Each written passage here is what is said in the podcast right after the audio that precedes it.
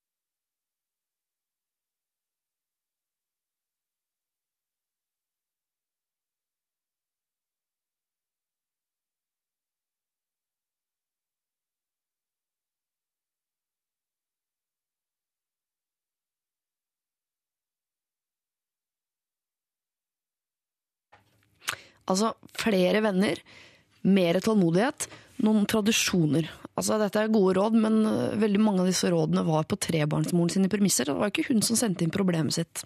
Siden den gang har vi fått en ny mail fra vår frustrerte venninne, og hun skriver Hei. Jeg har hørt rådene dere ga meg angående min bestevenninne og hennes barn. De gangene hun spør meg om å sitte barnevakt, er når hun selv skal på fest.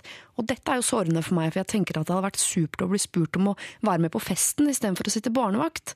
Jeg hørte også at dere fikk inn råd angående dette fra en lytter, og ja, jeg spør ofte om vi skal finne på noe som også involverer barna, men det funker ikke. Hun har en annen venninne som også har barn, og de er ofte sammen, både til fest og på besøk hos hverandre. Så det virker som om jeg er nødt til å få barn for å få lov til å få tilbringe tid sammen med henne, eller rett og slett avslutte vennskapet, noe jeg jo egentlig ikke vil. Men uansett, tusen takk for gode råd, hilsen eh, frustrert. Altså hun er fortsatt frustrert. Og det er jo på ingen måte sånn at vi klarer å hjelpe alle helt i mål, og ofte i hvert fall ikke inn i det målet man har sett for seg at man skal eh, leie sammen inn i. Og frustrert, jeg skjønner at du er frustrert, så jeg tror det du skal gjøre er å fortelle til venninnen din at du er lei deg. For det er begge sin jobb, som venninner. Det er en jobb, det. Og da er det begge sin jobb å dra lasset. Fy til alle dere blindpassasjerer og alle dere freeriders i vennskaper der ute.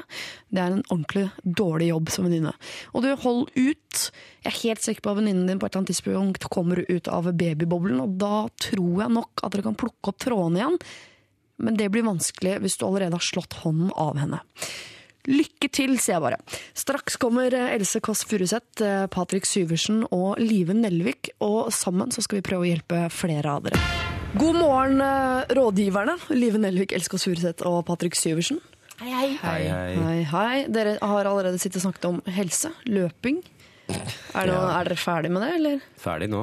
Og det er en evig kamp, vet du. Du må huske å alltid ha det litt vikt som en viktig tema i livet ditt. Ja, men dere sitter og skryter, Noen har skrytt av hverandre, og noen har også skrøtt, skrøtt av seg selv. Det heter det i preteritum. Jeg tror det. Skryt. Du skrytt av deg sjøl? Nå er vi gamle. Nå er vi Det altfor norske gamle på språket er vanskelig. Nei, det var Patrick Syversen som sa sånn Åh, jeg er så dum, jeg. Jeg jogger hver morgen. Jeg er så, ser så teit ut. Nei, men det er mer en sånn forfengelighet, sikkert. Ja. Ja, at Men, du du synes har det jo ser dum ut. men Else har jo løpt KK-mila, så jeg mener, altså, det er jo to løpere her, i hvert fall. Er en KK-mil mye kortere enn en vanlig mil? Ja, det er sånn fem-seks er kilometer. Det er ki- kvinnemil, heter det.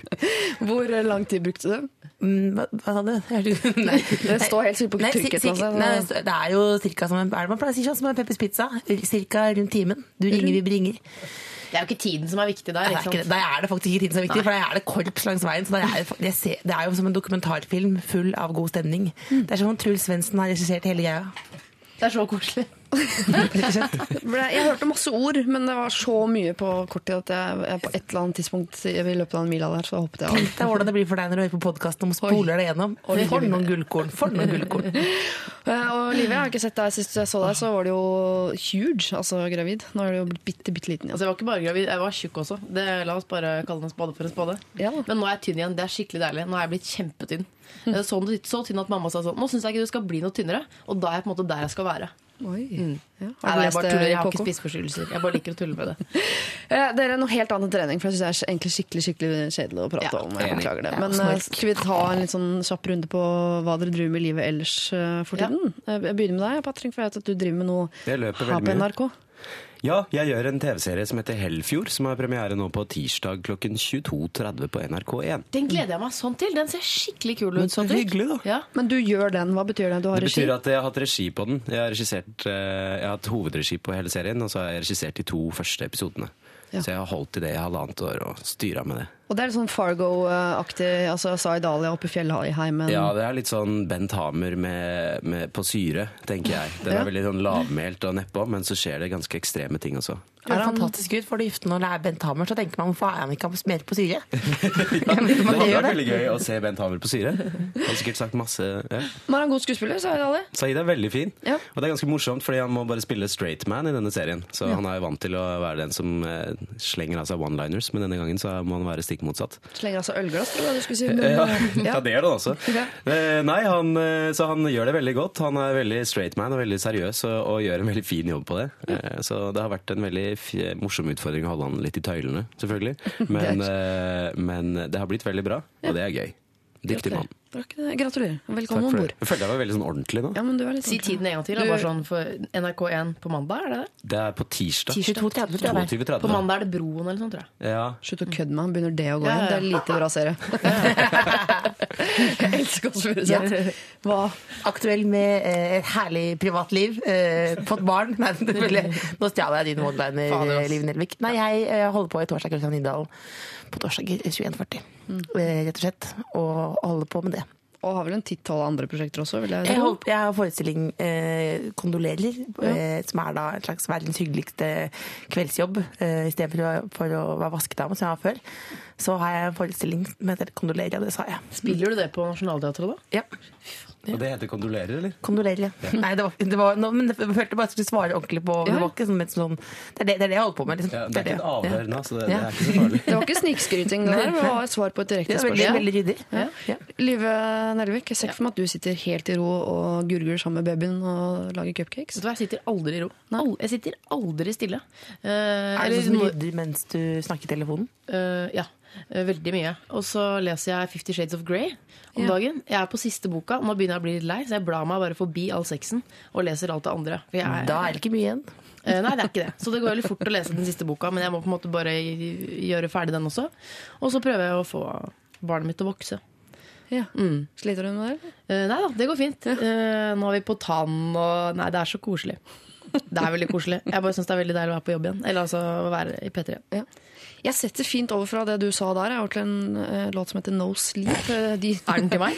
Den er litt til deg. Den er til Er alle til dere deg, som hører på Lørdagsrådet. Send oss problemer, da. P3 til 1987. Du hører på Lørdagsrådet med Siri Kristiansen. Sondre Lerche og hans Two Way Monologue, og før det hørte vi No Sleep av og med DC Death Trace.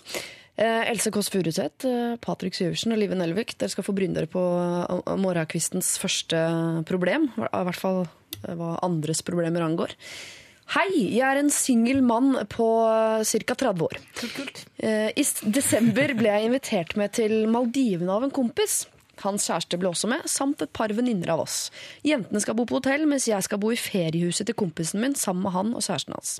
Da jeg spurte om jeg kunne ha med en kjæreste dersom jeg fikk meg en kjæreste før avreise, så fikk jeg blankt nei til svar. Jeg spurte ikke hvorfor. Det skjer ofte når vi fester sammen at han tar av seg på overkroppen og klemmer meg mens han sier at han elsker meg. Hvorfor får jeg ikke ha med meg en jente? Blir han sjalu? Kan det være han er homofil, eller er det bare bromance?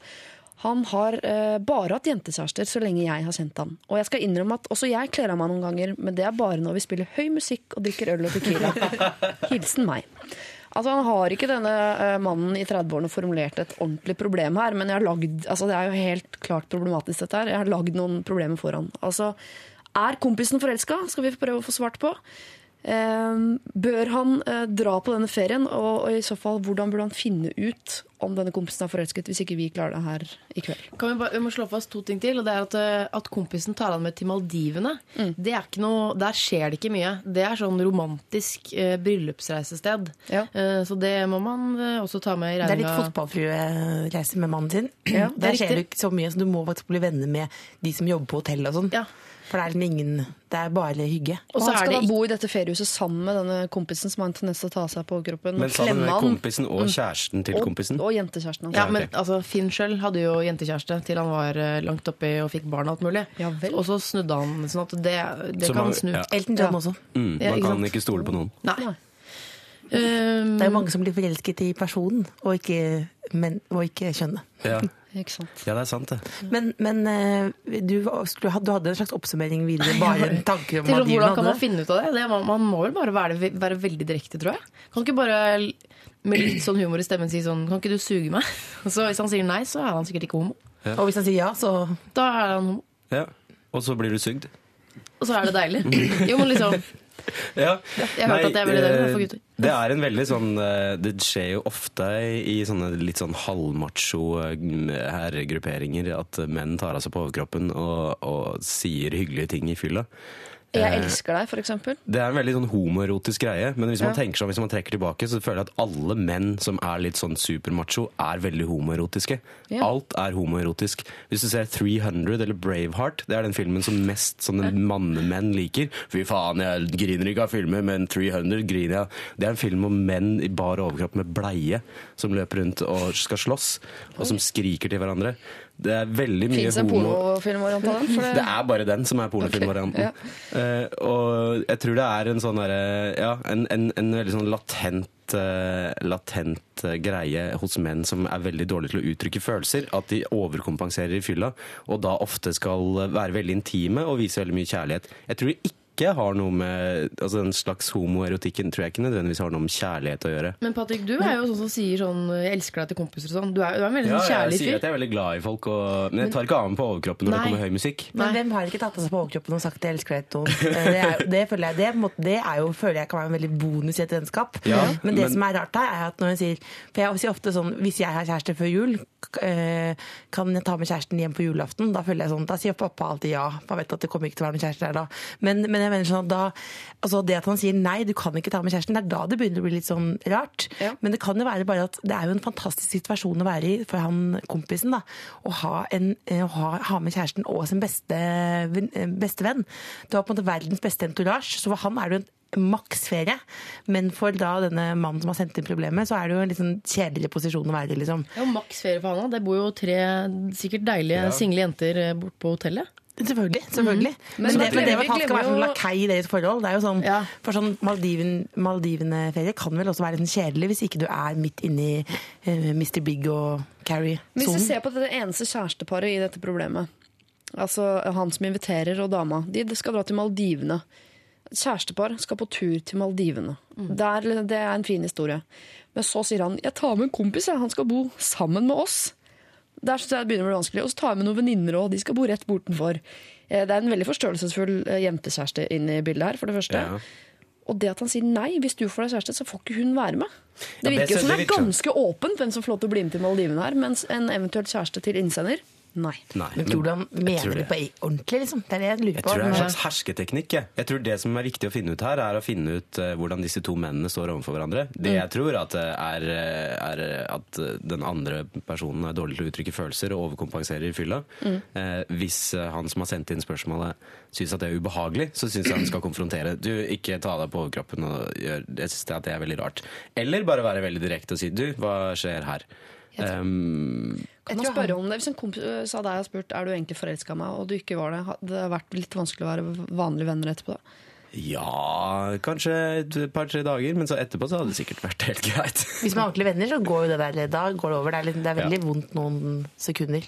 Ja. Jeg synes det er så gøy å høre at gutter også har det komplisert. Fordi man sier at jenter er så kompliserte. Men her er det bare han skal med kjæresten, og jeg kan ikke det hvis jeg får, lov, hvis jeg får kjæreste, får jeg ikke lov. Og der er det tre. Altså, det er komplisert i gutters liv òg, tydeligvis. Det Ja. gleder meg å høre. En ting som jeg må skyte inn, er jo det at det virker som det er en slags latent usikkerhet hos innsender også, som på en måte kanskje legger veldig mye i eh, vennens kjærlighetserklæringer. Ja, han er Ja, god man- han, da. Ja, det kan Jeg jo hende er glad dere eh, bringer akkurat det der på bane. For jeg Ja, var det det vi skulle fram til? at- jeg tenkt Fordi man reflekterer jo ofte andres eh, Altså, man, ja, man reflekterer jo sine egne problemer i Ja. andre, så spørsmålet er sånn Er dette ukomfortabelt? Det er noe han får det. Er litt sånn til som den som først er fisen var. Fisen var, den er fisens rette far, på en måte. Det er alltid lurt å bruke det fisemetaforen på sånne ordentlig vanskelige problemer. Ja. Men jeg tror bare at jeg tror, det handler ikke nødvendigvis om kjærlighet eh, fra han kompisens side, men det er bare at han han innsenderen eh, fyller en veldig viktig funksjon i livet, da, som kanskje at, som ikke kjæresten da fyller. Ja, Eh, det, fordi det er jo noen ganger kjærester er kjedelige, liksom. veldig ofte. De tar ikke av seg på overkroppen og sier 'jeg elsker deg' når det kommer høy musikk. Det burde flere kjærester gjøre. vet du. Hvis du har en kjæreste nå, gå inn på soverommet, ta det på overkroppen, si 'jeg elsker deg'. Og spill Queen. Men burde han bare, sånn, burde han dra på det til Maldivene med kompisen, kjæresten og disse andre damene? Jeg syns han bør tenke på det i forhold til at om han har lyst til å gjøre det, om han syns det blir hyggelig. For hvis eh, det er ganske sånn tens og rar stemning, så hadde jeg revurdert det i forhold til bare min egen velvære. Ja, for dette i så fall det burde, det burde løse problemet før man, det er, Dette er kjipt å finne ut av på Maldivene, for det er Ja, det er ganske liten øy, Og så er det dyrt å dra dit. da Det er så dumt å kaste bort liksom, jeg vet ikke, 50 000 kroner. Jeg har veldig dårlig begrep om penger. Men si 50 000 kroner, da. Ja. Eller kanskje 30, da. Eh, og så blir det en skikkelig dårlig ferie med masse homoforviklinger. Ja. Ja. Eh, det er så dårlig brukte penger. Og uforløste problemer. Bare det faktum at, hans, eh, at kompisen sier nei, du får ikke lov å ta med deg kjæreste hvis du får en kjæreste, det hadde jeg kommet til bunns i først og spurt hvorfor det egentlig. Er det fordi du tror at jeg får en kjempedårlig kjæreste, eller er det fordi du vil ha meg for deg selv, eller er det fordi du prøver å spleise meg med noen av de andre jentene? Kanskje det er en ting? Kan han foreslå å bo på hotellet sammen med de andre damene? Ja, Veldig konkret, godt forslag. Er ikke det mest naturlig, egentlig? Ja, selvfølgelig er det det. Jeg vil ikke bo med de der greiene der. Det Han vil jo ha gangbang på hotellet. Jeg sier veldig sjelden gangbang, så det var så rart Du at kom veldig naturlig inn i munnen din. Det er veldig, han vil ha gangbang, Du så veldig stolt ut når du sa det. Men for, Oi, å fikk finne, jeg sagt men for å finne ut om det er følelser mellom to Om innsenderen også har følelser for denne kompisen, det man gjør da, er jo å ta og dra på, sånn, dra på Ringen kino for eksempel, i Oslo, hvor det er det der dobbel, hvor det er den sofasettene. Hvis det ikke skjer noe med det sofasettet, da er det ikke sjans. Kan ikke heller dra rett på Bislett bad eller noe? Det er veldig konkret. Jeg Ja, tenker ja, sånn, det er alltid, Hvis du skulle pakke det inn i en slags sånn vennesone, det er det jeg pleier å gjøre. Ja. Hvis jeg lurer på om det er følelser, ta med på den sofaen. sofaen. Ta de med på Ringen Ja, kino. ta, ta, ja, ta de med, men ta på den, for da er det en sofaen. Hvis det ikke da er noe sånn love in there, så er det bare, da er det vennskap. Det grunnen til at det er Ringen, den kinoen, for å si det sånn. Det- Eh, Det skjønte jeg ikke. Rakering? Nei. Jeg skjønte ikke. vi lar den ligge. ligge. Ja. Nei da. Kos dere på eh, Maldivene. Jeg, tenker at uh, Ta gjerne en prat først, som Patrick foreslår. Finn ut av om det er følelser der eller ikke. Gå eventuelt på Ringen uh, kino. Flytt eventuelt inn på hotellet sammen med de andre jentene. For, ha noe gangbang-greier der, foreslår Liven Nelvik. Du vant, Du må i hvert fall ikke, du ikke bruke opp 50 000 kroner på en tur som bare blir vanskelig. Du må Ja. ikke gå rundt gråtende på Maldivene og lure på sånn Blir det noe, blir det ikke noe? Ta en liten runde på om du kanskje kan ha tilbøyelighet til å være litt homofil selv. Det hadde jeg tatt en runde på. Og det er helt ok hvis du Eh, er. Det er helt ok. Ja, det er helt sant, faktisk. Og ha en fin tur, eh, vil jeg altså si til slutt. Og si hvordan det går når du kommer hjem. Så vil vi rett og slett ha et godt gammeldags postkort vi, hit til eh, NRK. Lørdagsrådet. Lørdagsrådet, og til å løse problemer her eh, i dag, så har vi altså eh, regissør Patrick Syversen, som er aktuell med en serie her på NRK som heter Hellboy. Hellboy. Har du regissert de filmene òg? Ja, det er veldig stolt Si hva han heter, han har noe med helvete. Hellfjord. Hellfjord, ja, ikke sant. Det er nesten Hellboy, som jeg har sett. da. Ganske dårlig film. Første Hellboy-filmen er ganske kul. Syns du det? Tidlig Ja, han er søt han er liten. Han er sånn er rød og veldig søt, en veldig varm, fin film som har et veldig stort hjerte til tross for alt det spetakkelet rundt. Ja. Men så blir det for mye humor etter hvert utover i filmen. Ja, det er den andre. Det er film nummer to. ja. Film nummer to er altfor mye humor. Jeg kan ikke ha likt film nummer én så dårlig siden jeg har sett også film nummer to. Riktig. Live Nellevik er på besøk her i P3, selv om du er i mammaperm. Mm. eh, tynn igjen, akkurat der hun skal være. Tusen takk. Aktuell med tynn kropp. Altså De som kjenner meg, vet jo uh, at jeg ikke har spiseforstyrrelser. Men jeg forstår at dette virker veldig rart for alle andre. Hun er stolt, hun er stolt. Else Kåss Furuseth fortsatt litt smett fra KK Milla. Ja. Ja. Eh, Vi tar et eh, problem som handler eh, nettopp om kjærlighet. Hei, Lørdagsrådet. Kjæresten min og jeg har ganske forskjellig smak når det gjelder klær. Jeg liker rene, klassiske snitt og enkle farger og mønstre, mens hun kjører på med slangemønster og formløse bukser. Dama mi er kjempeflott, hun er danser, og jeg syns hun skal vise kroppen sin bedre fram. Jeg har sagt det til henne, og hun sier bare at vi har forskjellig smak. Jeg er ikke konservativ, men jeg syns topp i silke og leopardmønster kombinert med volurtights eh, ikke passer helt, i hvert fall ikke i familieselskap. Eh, det er som du sier, Siri, guttepent og jentepent. Jeg har tydeligvis sagt det en gang, da. Ikke har jeg oversikt, ikke sant. Eh, noen Sagt mye tips godt opp igjennom. Det mye bra. Det ligger på podkast. står i den boka. Har vi noen tips til en fyr som ikke liker stilen til eh, dama si? Jeg vil si at det er jo et luksusproblem her. Problemet er at han, hun vil, han vil at hun skal vise kroppen mer. Så det er det jo sånn, men det er jo som han selv sier, guttepent og jentepent. Altså ja, Aknemoten, kort og bredt, ironisk mote. Eh, hvor du måtte må google deg fram til en kropp inni der. Eh, det er jo noe som jenter liker aller best. Men det, hva det med, det er veldig vanskelig for meg å snakke om det her, siden jeg har på alt det han sier han ikke liker. Eh, vi bare, kan vi ikke bare kaste ballen over til Patrick Syversen, egentlig? Jeg synes at, at Problemet her er vel egentlig at han syns at hun er litt harry, virker det som. Ja. Han virker veldig opptatt av klær og veldig opptatt av snitt og har eh, ganske sånn spisskompetanse. Har han kanskje ikke, Jeg men visste han er ikke at gutter kunne si ting som rene, klassiske, enkle farger og mønster. Jeg trodde ikke dere var så bevisst Jo, man noe. er jo det, men Har du eh, noensinne sagt setningen 'Å, det var et fint klassisk snitt'? Ja, men vi- jeg lager film, så vi snakker om klær hele tiden. Ja, dette stemmer. Fordi vi gjør jo kostyme og sånn. Men, eh, men, eh, men jeg tror at menigmann kanskje ikke er så veldig opptatt av det. Men det virker som han har en slags forfengelighet, og hun er litt harry. Og den kombinasjonen der er jo ikke alltid heldig. Men det som er fint, er jo at det virker som de er veldig glad i hverandre. Han har ikke noe vondt å si om henne. Så da vil man jo bare si at eh, eh, det er en eh, ja. Jeg tror ikke det er harry, jeg tror det er mer sånn moromote. Altså sånn Ja, men han sier- harembuksa som du ser ut som du kan føde i mens du går. Jeg kan se henne for meg. Hun Ja. er danser og går med sånne slangemønstre og leopardgreier og sånn. Hun sånn Hun kan hende hun har en tribal på korsryggen. Oh ja, nei, jeg ser for meg Rihanna sånn überkul. Jeg tenker Ja. at Hun her hun er så pen at hun trenger ikke å kle seg pent. For det, bare, du, det, syns, det syns gjennom Ja, en søppelsekk at hun er grisefin. Da skal han ikke klage i det hele tatt. Nei, det er det. Men hun kler seg jo for eh, jenter, ikke sant? Ikke Ja. for kjæresten sin. Og det Mm. Hun jeg man kler seg for seg selv. Ja, ikke sant? Eh, Og det syns jeg hun skal fortsette med. For hvis man skal kle seg for gutter, altså da hadde jeg jo gått rundt i eh, sånn lave hoftebukser og pushup-bh. Og det, den stilen det, Eller det er ikke helt meg, da. Men tydeligvis ikke helt eh, henne heller. Ja, det kan hende det er helt andre veien rundt, at han er veldig konservativ og døll. eh, Han og, sier jo selv at han ikke er konservativ, men, Men han kan jo hende i det er man det. sier det, så han Ja. har vel tenkt tanken. Alle jenter, eller alle gutter vil vel ha en sånn fransk kjæreste. Eh, litt sånn mystisk kjæreste, vil ikke det? Jo. Eh, Til og med nesten, Jeg vil nesten ha en eh, fransk kjæreste. Ja, Mystisk fransk kjæreste Ja. med, med hatt, eller hva heter det? ja, men som ja, en sånn Baguette heter det. Baguette. Ja, baguette. Hva heter det? Det er bagett du snakker om! Det er bagett du snakker om. Ah, alltid.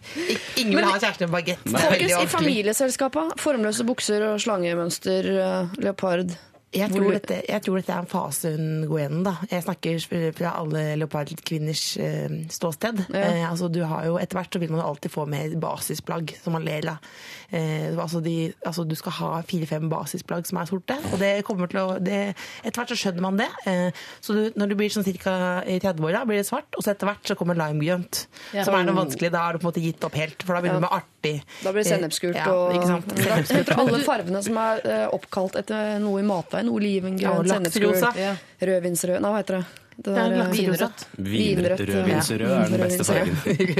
Men du, det er, eh, den moten hos svigers den har forandret seg. Fordi jeg også tenker at eh, når jeg skal i familieselskap, eh, at da må jeg kle meg liksom litt ordentlig. Men så har jeg en venninne som øh, eh, da hun var hos svigerforeldrene sine, dette var jeg nemlig vitne til, så hadde hun på seg en eh, hotpants, eh, så rumpeballene altså, hang utenfor. Og det virket ikke som om de, i hvert fall ikke svigerfar, hadde noe imot det. Sånn at jeg, jeg tror det er i ferd med å forandre seg litt, ja, den der hvitsnippskjorta og liksom pene lakksko. Ja. Jeg tror at det er blitt litt mer sånn åpent. Jeg- Det verste er jo på en måte det med sånn overdressed. Hvis det er sånn, eh, sånn som, ja, En gang så var jeg på sånn filmpremiere, og da hadde jeg pyntet meg veldig. Så plutselig så jeg Dorte Skappel stå der med Gore-Tex-jakke. Det er Nå har hun fått prisen som eh, Norges verst kledde kvinne i tre år på rad eller noe sånt. ja, Men men har vel Else også, har du ikke? Ja, Nei, jeg, da. Jeg, jeg er årets forvandling, jeg. Er- og er det sant? Ja, ja, ja. Så du var ute å kjøre, men nå har du skjerpa deg. Uh, så det, det føler jeg det, Alle kommer til skjerpings da, når man begynner å se seg sjøl i speilet. Eh, og, og særlig når man ser seg på bilder, så tenker man så rare klær. Ja. Hvis, hvis klærne dine blir på en måte alltid et samtaleemne, så har du kledd deg feil. Det er det jeg har funnet ut nå. da. Altså, hvis du må forklare sånn, ja, hvorfor jeg har på meg banangenser, ja, fordi det er en morsom historie. Jeg elsker bananer! Altså, da er det jo Men den Det var en veldig god historie, den bananhistorien. Men dere, skal man um Skal hun ta hensyn til at han har en annen klessmak enn hun selv har? Svaret på det er nei. Nei. Ja, der skal Nei vi fra meg. akseptere og respektere hverandre. Jeg synes jo det er han som er innsender, er det ikke det? Jo. Og han, er vel, han, f- han sier at han ikke er konservativ, men vi kan jo anta at han er konservativ. Hvertfall mer og at enn hun henne, er- Ja, og at hun er sånn Rihanna-type. Da t- virker han litt døll. Men hvis man sier det andre veien, at kanskje han er liksom sånn Ja, han har et litt estetisk sans, og hun er sånn Ja, det gjør ikke noe, her er rumpetaska, jeg driter i alt. Så, så Egentlig så er jo forskjellen ikke så veldig stor. Hvis de liker hverandre og aksepterer hverandre, så kan de akseptere hverandre for det også. Men Men, det også er det- jo sikkert en hemsko hvis du hver gang du går ute med kjæresten din tenker sånn Å, faen, nå ser hun rar ut. Ja, men, ja, men da, nå skal må jeg være litt uh, alvorlig. Fordi ja. jeg syns nemlig det er litt det er sjarmerende. For hvis man da elsker noen, eh, og si jeg hadde elsket en fyr som hadde veldig rar altså, Og da mener jeg kanskje ikke så altfor rar, da, men siden han hadde noen rare hawaiiskjorter og litt sånn formløse greier. Skjønne. Så jeg tenkte sånn, det, det driter jeg i, for det er jo han jeg er glad i.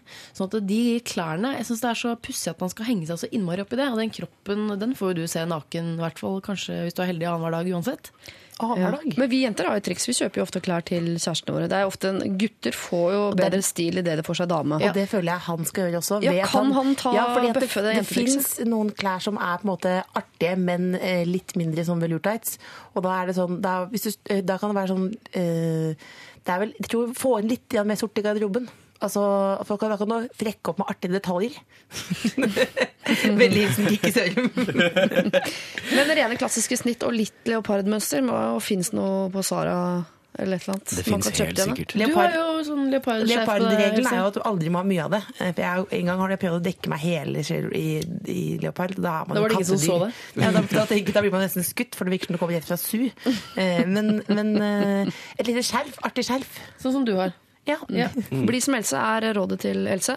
Det er lov Som til å- Det er lov å kjøpe klær til dama, men det finnes her, hvis du er, er glad i den dama her, og du vet, er så heldig å få se henne naken kanskje i hvert fall annenhver dag, så bør du uh, godta om det så skulle være hawaiiskjorter hun uh, gikk uh, rundt i. Og Patrick, du mente vel øh, også at uh, godta det sånn, hvis dere er må glad godta hverandre. Så, ja. Man må jo godta hverandre for sånn man er. Ja. Men allikevel, når det er sagt, så er det estetisk sans og smak har veldig mye å si for hvordan man er som person også. Så er man helt uenig om veldig mange ting eh, på lang sikt, så kan det være slitsomt. Men Ja. sånn som det virker her nå, så er det bare en sånn liten bagatell som er sånn Ja ja, klærne er teite. Helt enig. Og hvis hun er sånn uh, Sigge-dame med hipbag og sånn leopard-tights, så er du jo sammen med en dame på 45 år. da, da har vi et annet type problem, da. Send det inn i så fall. P3 er kodeord nummeret 1987, eller så bruker du mail. Eller er alfakrøll nrk.no.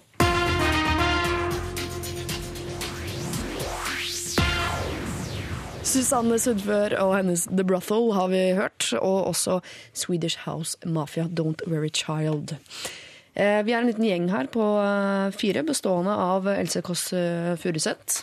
Gamlegjengen. Det ser ut som du, det ser ut som du sitter og røyker, litt sånn eh, tilbakeoverlent med sånn røykepositur. Ja. Imaginær eh, revyrøyk. Du har inntatt eh, den, Du blir den franske kvinnen, du nå. Vi snakket jo så positivt om det å være fransk. Fransk. sted. Mm. Og bagett. Ja, Jeg gleder meg til å få noen problemer servert. Jeg føler meg som psykologen i Sopranos. Det kommer problemer, vær du trygg.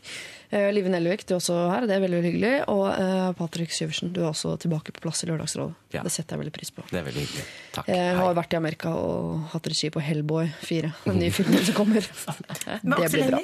Aksel Hennie spiller Hellboy. Kult, kult, kult, kult. Ok, Vi skal ta for oss eh, jentegjengproblematikk. og Der er det jo opptil er flere av oss som har litt erfaringer, vil jeg tro. Hei, vi er en jentegjeng på ti. Som har skrevet denne mailen sammen. Nei, det er, jeg tror ni av de har skrevet denne mailen. Eh, ni av oss er etablert med mann og barn. Utfordringen her er nummer ti. Hun har flere brudd bak seg, har vært i en del destruktive forhold med gifte menn og har i mange år vært besatt av tanken på at hun må få seg mann og barn. Nå har hun gitt opp mann og konsentrerer seg om barn. Det er kjempetrist at venninnen vår gir tydelig uttrykk for at hun ikke trives med livet sitt. Jeg oppfatter henne som en blanding av martyr og offer. På den ene siden er hun i liten grad lysten på å fortelle oss om hvordan hun har det, samtidig som hun er kjempesår på at ingen egentlig skjønner hvordan hun har det. Venninnen vår preger samværet når vi møtes på den måten at hun reagerer ofte eh, som krenket hvis vi snakker eller spør om noe som blir feil for henne. Jeg opplever at jeg er helt ufri i hva jeg kan fortelle og spørre henne om.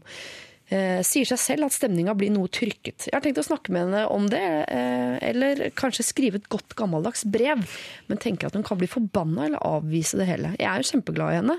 Gode råd mottas med takk. Hilsen Juliane.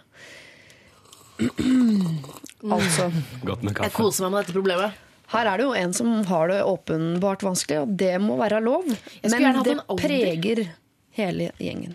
Ja, Det er ikke noe alder der. Det er ikke noe alder der, men eh, ni av ti har mann og barn, så vi snakker nok eh, 30 over år, 30 i hvert fall. Kan jeg bare si først og fremst at jeg syns det er litt absurd at problemstillingen er at dette preger vennegjengen vår, at hun har det så vondt.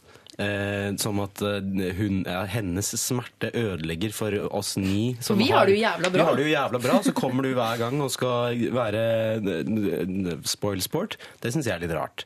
Ja. Det virker ikke så veldig raust, tenker du antageligvis. så er det liksom, for med en gang få en gang, eh, Det er skal ikke gå bare og klappe på martyren og overføre med en gang, men det føles jo litt vanskelig når du sier sånn vi, ja, nettopp ni av ti at de er eh, At det har blitt hun er den som alle snakker om. Hun har, det er tydelig at de har definert seg selv som ja, ni av oss er jo veldig suksessfulle. Vi har jo barn og har det veldig bra her i livet, og så kommer hun, og hun har det veldig vanskelig. Man er ikke en suksess før man har fått barn, Patrick. Nei, det er sant, så da får jeg bare gå hjem og legge meg. Men Jeg det er- skjønner, jeg skjønner at dere legger sympatien i, der med en gang, men da har jeg bare lyst til å liksom, eh, si en liten ting, og det er at hun, må, få, hun skal selvfølgelig få lov til å være lei seg, men at det blir sånn at det alltid er en stor rosa elefant i rommet. Ingen, jeg tror det er nemlig litt sånn at de opplever at de kan ikke glede seg over at de har mann, de kan ikke glede seg over at de har barn, de kan ikke snakke om mann og barn, fordi det er en i rommet som ikke har.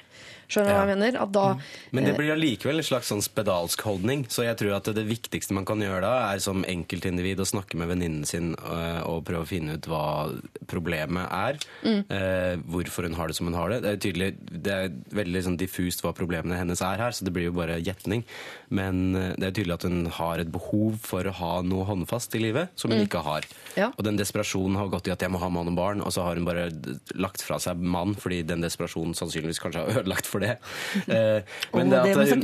Hun har latt seg selv definere av eh, at, at lykke er mann og barn. Da. Og det er ikke så rart at man bruker det som et eh, kompass da, når du har en vennegjeng hvor ni av de er sånn lykkelige med mann og barn.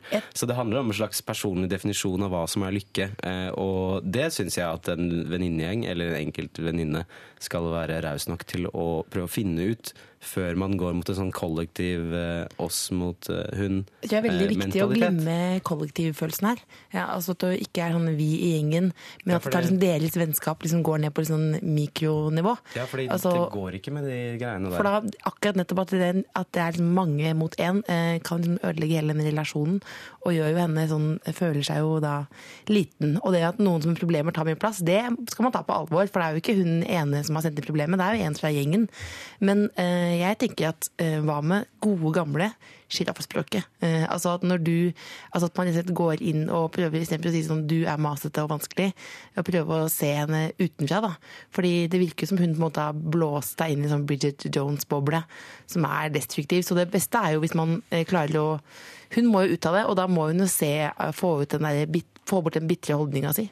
Jeg tipper Men er nok at ingen her har sagt fra til den ene om at du er kjip og vanskelig. Det er vel noe av problemet, at det er ingen som har sagt det til henne. Så hun får bare ture og holde på og lage litt dårlig stemning av gang på gang på gang. Og ingen har sagt fra til henne, men til hverandre, da, de andre ni. Hva tenker du, Live? Jeg tenker at hun kanskje burde henge med noen andre, fordi hun eh, ene stakkars eh, hun som på en måte ikke strekker til, da. Eh, Det blir jo normalen for henne, er jo at man skal være gift eller altså ha mann og barn. Eh, Men hvis hun Altså det er jo mange på hennes alder som ikke har barn og mann. Sånn at hun eh, nå er hun litt i feil miljø, tror jeg. Um, og jeg får veldig, jeg får veldig vondt av henne. Uh, og alle, jeg tror alle gjenger har en sånn. En sånn. Ja. Altså, alle mennesker har jo sine ting, og noen har de tydeligere enn andre. Eh, men ja, som sagt, det jeg reagerer mest på her, er den kollektive holdningen. Vi er ni mennesker som syns at hun er sånn.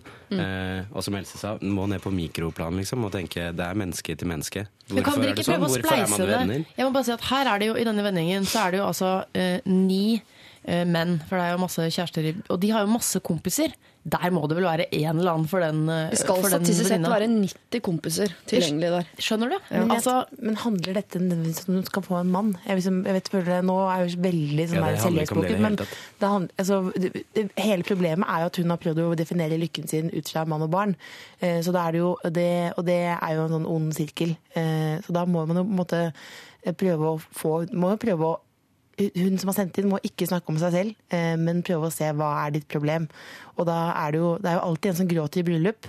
Det må folk slutte med, det er livets fest. Og så må man prøve å finne ut av liksom, at hun må hun må jo, det er jo altså Jeg har veldig mange venner med, med mann og barn, og jeg er ikke mann og barn, men, men det ser jeg jo på som en bonus. Det er jo bare Da får du lov å være med i det tacolandskapet og slappe av.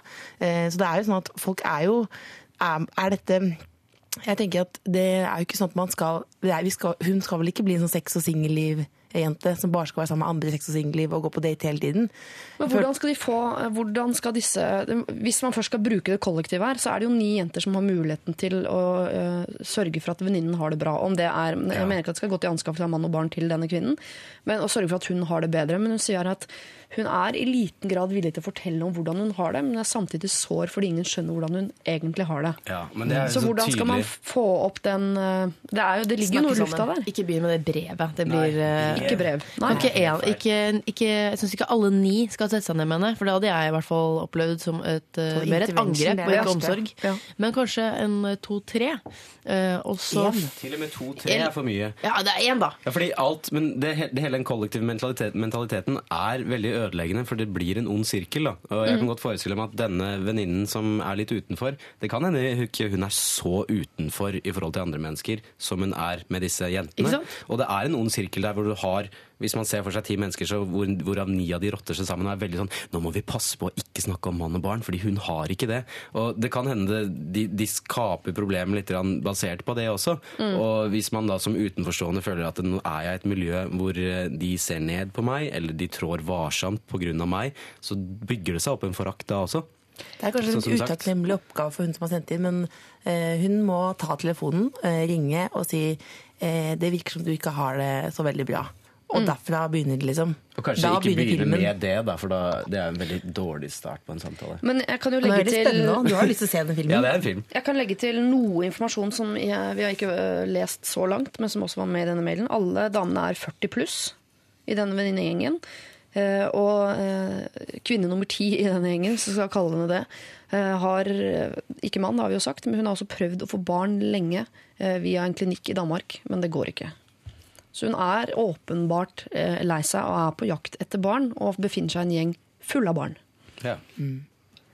Setter det ting i Blir det annerledes da? Så skal vi jakte på barn. Ja, det er, men jeg, ja, nei, altså, nå kjenner jeg ikke disse menneskene i det hele tatt, så det blir jo bare Vi kjenner jo ingen av dem. Nei, det er sant, det. Kjenner hun ene. Eh, nei, men eh, ja, det handler jo om definisjonen på lykke, og det handler jo om ja, én til én er det eneste jeg kan si. Skal de andre ni være flaue over å glede seg? Det er jo ni som Nei, har noe felles der. Nei, De skal være veldig glad for det, og det skal, Ja. de, være veldig, det skal de embrace. Og det er som du sier, livets fest, at man skal, ikke, man skal ikke begrense seg fordi man skal være redd for å såre noen andre når det gjelder lykke. Én ting er å være nedlatende, og sånn, men å snakke om barna sine og snakke om eh, menn eh, kan være, det må være helt greit. Men det er ja. forutsatt at de har knust denne isen i forkant og hatt en samtale. Enten én til én eller flere av de, eller at det kommer naturlig opp. Jeg tipper at denne ene har en bestevenninne, og antageligvis er det innsender Ja. som er bestevenninnen. Så hun har vel kanskje en jobb foran seg å sette seg ned og ta denne én-til-én-praten. er Vet du hva, Jeg respekterer som må- mennesker som tar sånn en-til-en-prat, som er sånn direkte. Jeg drømmer om å være det. Og sier Ja. sånn du må, bare, du må bare ta det opp med henne. Bare være direkte. Jeg er ikke sånn i det hele tatt. Men jeg syns du, innsender, burde være det. Altså, ja. du vil at hun skal slutte å definere seg som et offer. Da må du hjelpe henne å ikke føle seg som et offer. Og det, Det er en samtale. Og så må man, den gjengen her, jeg syns dere må slutte å gå på tå. Altså, i Slutt å begrense samtaleevne. ikke evnene, men emnet. Mm. eh, snakk om mann og barn og alt det som faller der inn. For at eh, hvis, det, hvis hun ikke tåler det, da kan man nesten ikke være venner. Pluss at det kan være ekstra provoserende når man har en gruppe mennesker rundt som man føler er varsom. Da skaper det bare en større kløft. Så gled dere over det dere har, og eh, snakk om det dere naturlig ville ha snakket om uansett. Men legg det kollektivet litt til side der. Dere er ikke ni mot én. Her må én og én sette seg ned og sørge for at denne venninnen også har det bra, selv om ikke dere har muligheten til å skaffe henne det hun tror hun må ha for å være lykkelig i sitt liv. Da. Og ikke skriv det brevet. Ikke skriv brev. Det er, det er mye verre. Ja, det har- kan være litt ovenfra og ned å få et brev. Da du skjønner at 'å nei, hun ene i gjengen har fått brev'. Jeg tror ikke, ikke skap den kløfta mellom dere ni og hun ene. Ikke gjør den noe større enn den allerede er. Men når du har bikka 30, så er det lov å være litt bitter på folk som har fått barn, eller? De har bikka 40, disse her. Ja, for det, det er jo, jeg, selv om ikke jeg, la, jeg later som det ikke er noe problem, men i, når vi hører på musikk her, så snakker jo bare Live og, og Silje om barna sine. Mm. Så jeg kan jo vi må minne på at det er et helvete, det der forkvakla synet i samfunnet om at alle skal ha familie. Nei, nei, tuller. Men vi er to mot to, ikke ni mot én. Så Ja. da, du har det ikke så fælt. Ok, bare tulla. Lørdagsrådet på P3. Carpe Diem, og her har du akkurat uh, hørt. Live, eh, Else og Patrick har akkurat nå under hele den Carpe Diem-låta sittet og, og vært litt sånn misfornøyd med egen rådgivning. Sånn 'Å nei, sa jeg det jeg burde si', og 'vi burde gjort det', og 'nei, nå var jeg ikke grei nok der', og veldig Det er veldig hyggelig av dere at dere tar en sånn ekstra runde etterpå for å liksom man høy. kvalitetssjekke dere selv. Men han har blitt litt høy på seg selv også. at Man har gått inn i psykologrollen. Man føler seg jo smart idet man blir invitert til Lørdagsrådet. tenker man sånn 'jeg skal mene'. Jeg føler meg bare veldig sympatisk. Jeg, at jeg bryr meg, liksom. Jeg Men man er jo ikke sympatisk når man Ja. sier selv at man er sympatisk. Nei, er da sant. mister man det. Jeg føler at jeg har vært noe jeg, for første gang Mm. i livet mitt. Du har tatt på deg solbriller. Gråter du over pro forrige problemer? Ja, men det er fordi rullegardina her ikke funker, så det kommer Ja. masse ekte lys inn. Rullegardina her eh, på jobben er ødelagt. Vi deler jo kontor med f.eks. Popsalongen. Der kan det gå litt vilt for seg. Så jeg tipper det er noen rapp, eh, rappfolk som har vært der og hengt seg i tapeten eller noe. Jeg vet ikke. Lars Vaular har spilt coverlåt og heng, slengt seg i rullegardina. Hvem vet, I popsalongen. Kanskje Jon Olav Nilsen og gjengen har vært Ja. der. Hvem vet de ikke. digger sant? Han røyka rullegardina, Jon Olav. Det kan jeg hende.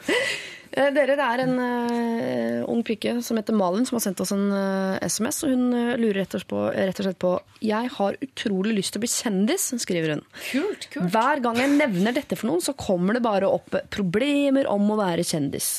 Er det absolutt ingenting bra med det? Else? Sier du?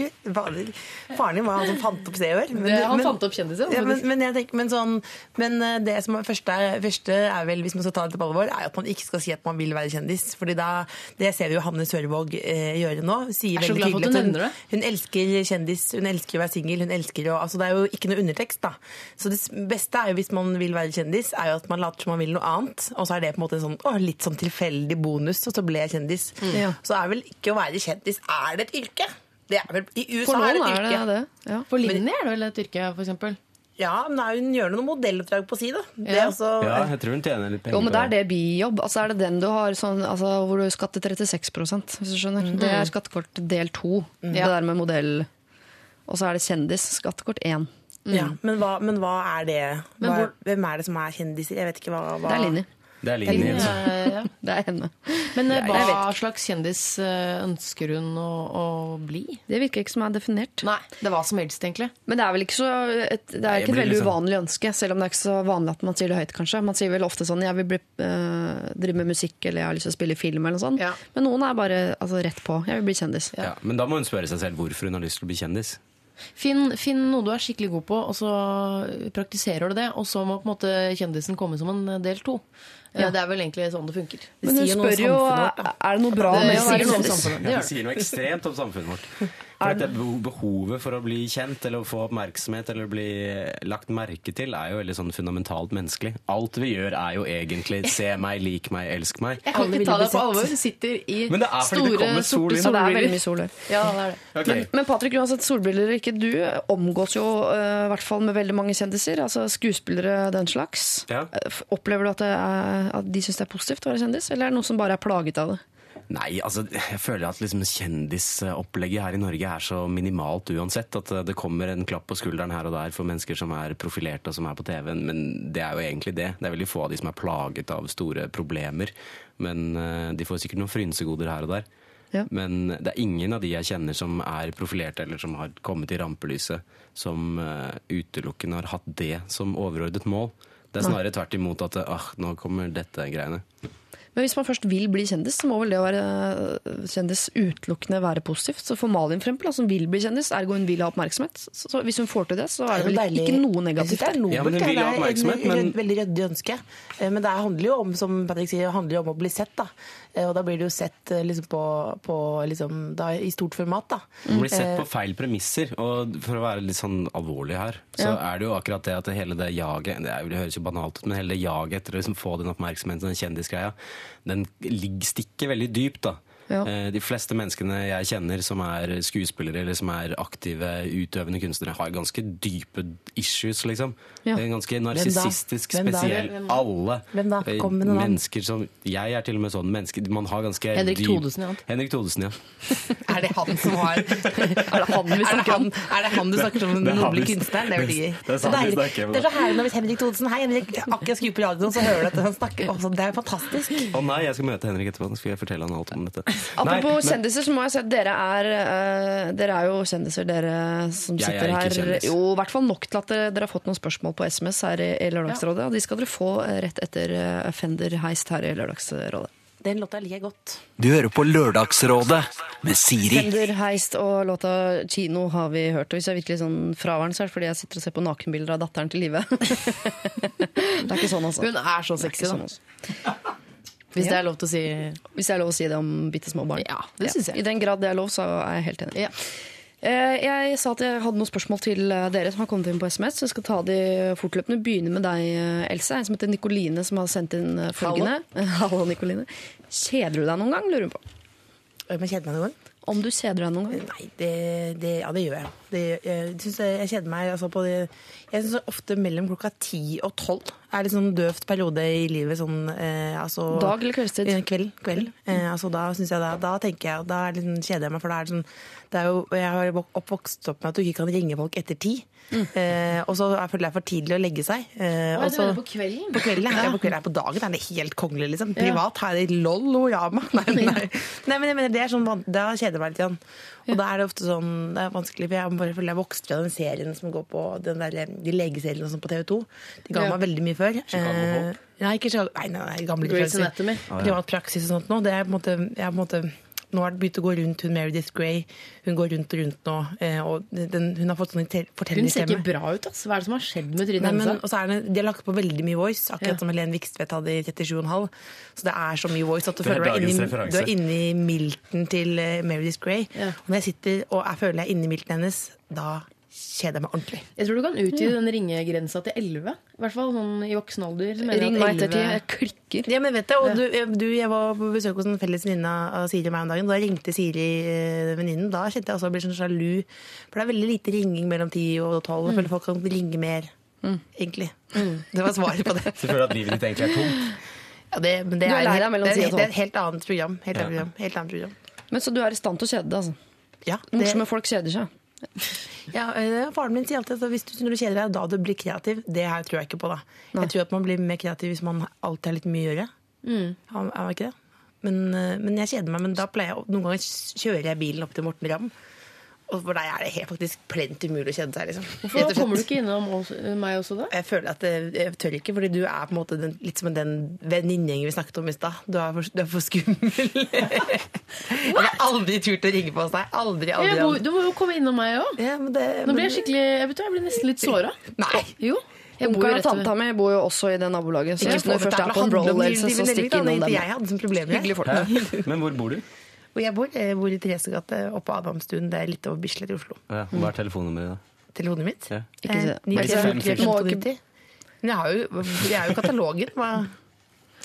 Jeg går videre. Ja. Eh, Men la oss holde oss eh, til Dette med humor. For det er en som lurer på livet, hvem som er morsomst av deg og Tore. Det er absolutt Tore. Ja. Eh, nei, er det det? Ler du masse av han i hverdagen? Blir du fortsatt Masse. overrasket? Eh, så er han jo masse Han er jo alle disse karakterene hjemme, vet du. Hva er det de heter? Knut Bollerud og han taxisjåføren og mm, Er det ingen som hører på radiostasjonen? Tom Stang. Tom Stang. ikke sant? Så er han masse Tom Stang hjemme, og det er bare så Det er jo så gøy. Men er du ironisk? Du, du, du, blir, du ler masse av han. Vet du hva? Ja, ja, ja. men uh, det er vel som eh, du sier, at uh, morsomme mennesker kan også kjede seg. Så vi snakker også om helt vanlige ting Ja. uh, hjemme hos oss. Det gjør vi. Så deilig at du opplyste om det. Men er det humoren du, humoren hans du ble forelsket i? her er det jeg som stiller spørsmålene. Ja. Patrick. Oh, både humoren og, og utseendet. Utseende òg, ja. Kult. Han er jo veldig kjekk mann. Herregud, Ja, ja. Tore er jo, jeg synes han er veldig kjekk. Jeg synes det er skikkelig deilig. Du syns det? Kan jeg si det? Ja, absolutt. Har du sett uh, filmen hvor han er naken? Nei, ikke ennå. Nei. En helt uh, alminnelig En helt alminnelig mann. Nei. Hva? Ganske vanlig fyr. En ganske vanlig fyr. En ganske snill mann. En, er det det den heter? En helt vanlig dag på jobben. En ganske Ikke en helt vanlig dag på jobben. Men noe sånt. Der Ja. i en uh, aktuell kinofilm nå, så ja. er min forlovede Ja, for vi skal gifte oss. Han er splitter naken. Jeg anbefaler alle å gå og se. Å ja, det er Mer eller mindre mann. Mer eller mindre mann er det den Ja, Nå må du vite hva filmen heter. Ja. Jeg har sett den naken. Patrick. Ja. Aktuell med Helfjord Ja. her på NRK. ja. Ja, en, som har, eh, en som kaller seg for kollega, i anførselstegn, som har sendt inn et noe lengre spørsmål. Eh, Jeg har hørt mye rare historier om Sahid på tur opp gjennom. Hvordan syns du det var å reise rundt sammen med han? Å reise rundt. Har dere reist rundt? Nei, vi har ikke reist rundt, men Sahid har et TV-program som heter Landsfareren, som går på TV3. Ja. Eh, hvor han reiser rundt, så da kan det hende man blander kortene. Men jeg har jo reist mye med Sahid, fordi vi filmet jo Helfjord oppe i nord. Ja. Eh, han eh, jeg har ikke noen sånne sære anekdoter. Det er som vi snakker om her. Vi er jo egentlig ganske vanlige folk. Det er deilig at dere punkterer det hele tiden. Vi tuller veldig mye, men det kommer til et sånt punkt når man jobber med humor, og, og for Helfjord er en komiserie, og når man jobber med det hele tiden, og det alltid tar plass, så blir det til at vitsene Vi ler ikke av hverandres vitser engang. Vi sitter bare ja, hva må jeg gjøre sånn? Og så sier jeg bare ja, det er morsomt. Ja. Eh, Det, det kommer til det Det er sånn det blir. Ja, det kommer til det punktet hvor du bare Jeg liksom har en- anerkjenner humoren din. ja, ja, det er en god vits, den bruker vi. Så det, det kommer ofte til et sånt punkt hvor man bare har en sånn analytisk tilnærming på det. Og så er vi kjempekjedelige mennesker, Så kanskje. jævlig døvt. Ja, men noen ganger så er vi helt gærne også. Jeg ser det for meg. Blood Command var det. High five for life. Vi har allerede eh, snakket en del om humor. Snakket om eh, hvem som er morsomst av Liv og Tore. Snakket om eh, om Else noen gang kjeder seg. Om det er gøy å være med Zaid Ali på tur osv. Alt det de lurer på der ute. dette fordi selvfølgelig Else Kåss Furuseth er her. Det er også Live Nelvik og Patrick Syversen. Vi skal holde oss litt til dette her med, med humor. Kan jo først ta inn en SMS her som kom. en som lurer på eh, Jon Brungot er den morsomste mannen i Norge for tiden. Kan du bekrefte det, Else? Det her er det bare å si to bokstaver. J-A. Ja. Ja. Altså han kan få, han kan få Jeg kan le av en hundebæsj hvis han tar på den, holdt jeg på å si. Hvis du skjønner. Kan du kanskje dra en historie om han på, på direkten, liksom? Hilsen LOL. Så. Dra en historie. Nei, men jeg at du, han er bare man, Når man ser Jon Brungot, tenker man sånn han, han, er, han er bra, tenker man. Han er fantastisk. Ja. Det, er- det er det, liksom. Er han så fysisk hele tiden? Han er veldig sånn, sånn fysisk humor. Da. Ja. Det vil si han er.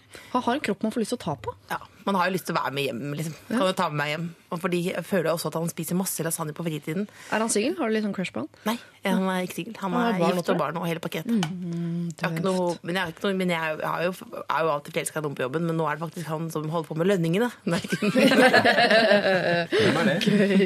Leif. Nei, Stefan heter han.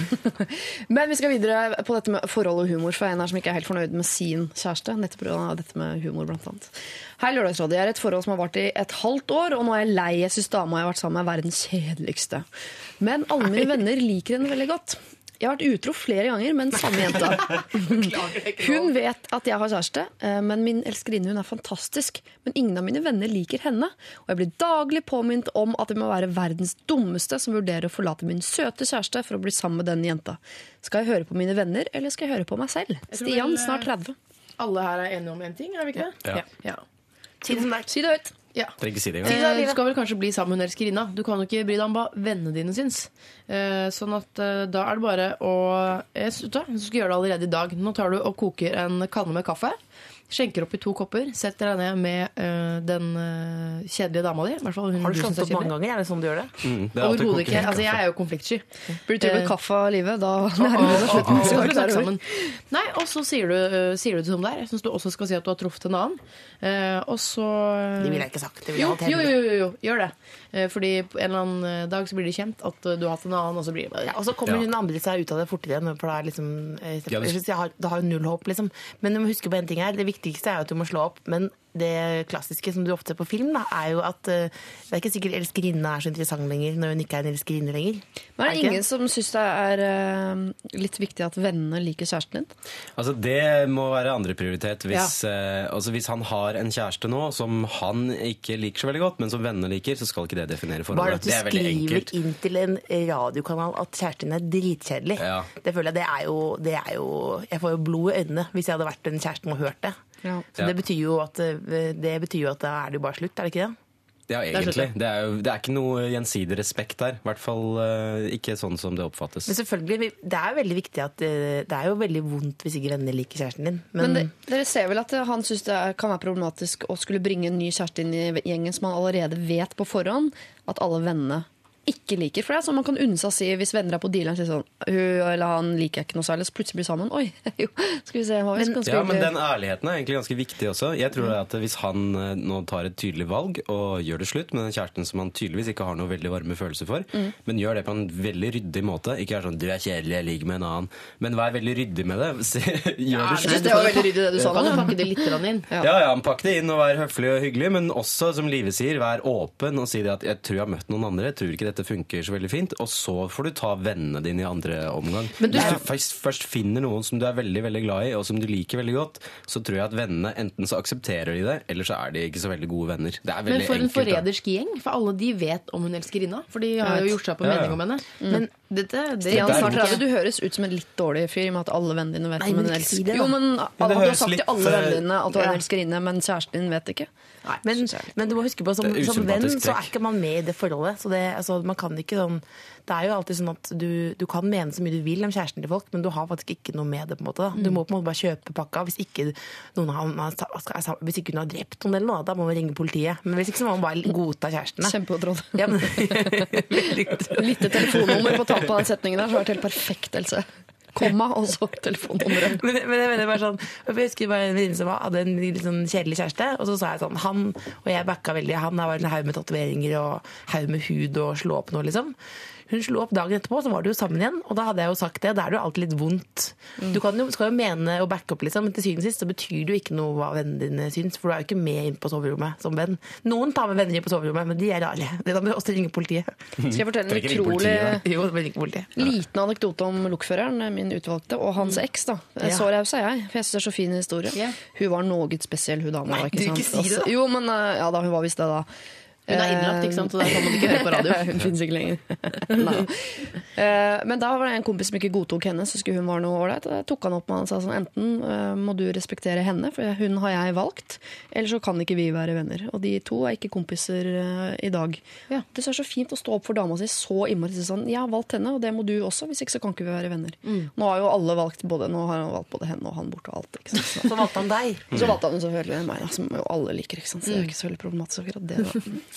Eh, Fin historie. Ja, men, øh, og, fin historie, og vi løste problemet. Det har vi Jeg tror at problemet er ganske løst. Ja, ja. Det er en veldig clean cut greie. Men det er litt, jeg må si at det er litt skremmende at han ikke har tenkt dette selv. Ja, Stian snart 30. Eh, Du er nødt til å slå opp med kjæresten din. Du må gjøre det på en eh, ryddig måte. Og hva vennene dine syns om denne eventuelt nye kjæresten din, det kommer andre rekke, og det er din jobb å få det til å like han. Og det, eh, det må du gjøre. Hvis du liker henne, så skal de også Men like henne. behold elskerinnen litt som en elskerinne. Så kan du gjøre litt, så kan du finne ut der i privaten. Må man ha liksom Vær litt stor singel, ja. Må man ha sånn der vennemiddag med en gang? For jeg tror det er noe av det som er jo Er det ikke veldig sånn spennende å møte sånn i smug? Man høres gammel ut. Smug er veldig spennende. Du kan godt eh, bevare magien et lite øyeblikk. Trenger ikke gå rett på fårikål nå med Neida. nye. Ta Det det jeg på til hotell i. i egen by. Det har jeg hørt at man skal gjøre.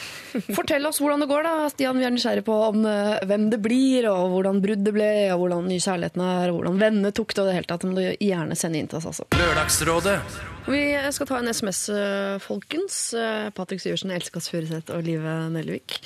Eh, Det er en som har sendt inn nå nylig. Eh, Hei, hallo. Pappa fyller 60 år om noen uker og har gjort det klinkende klart at han ikke vil feires.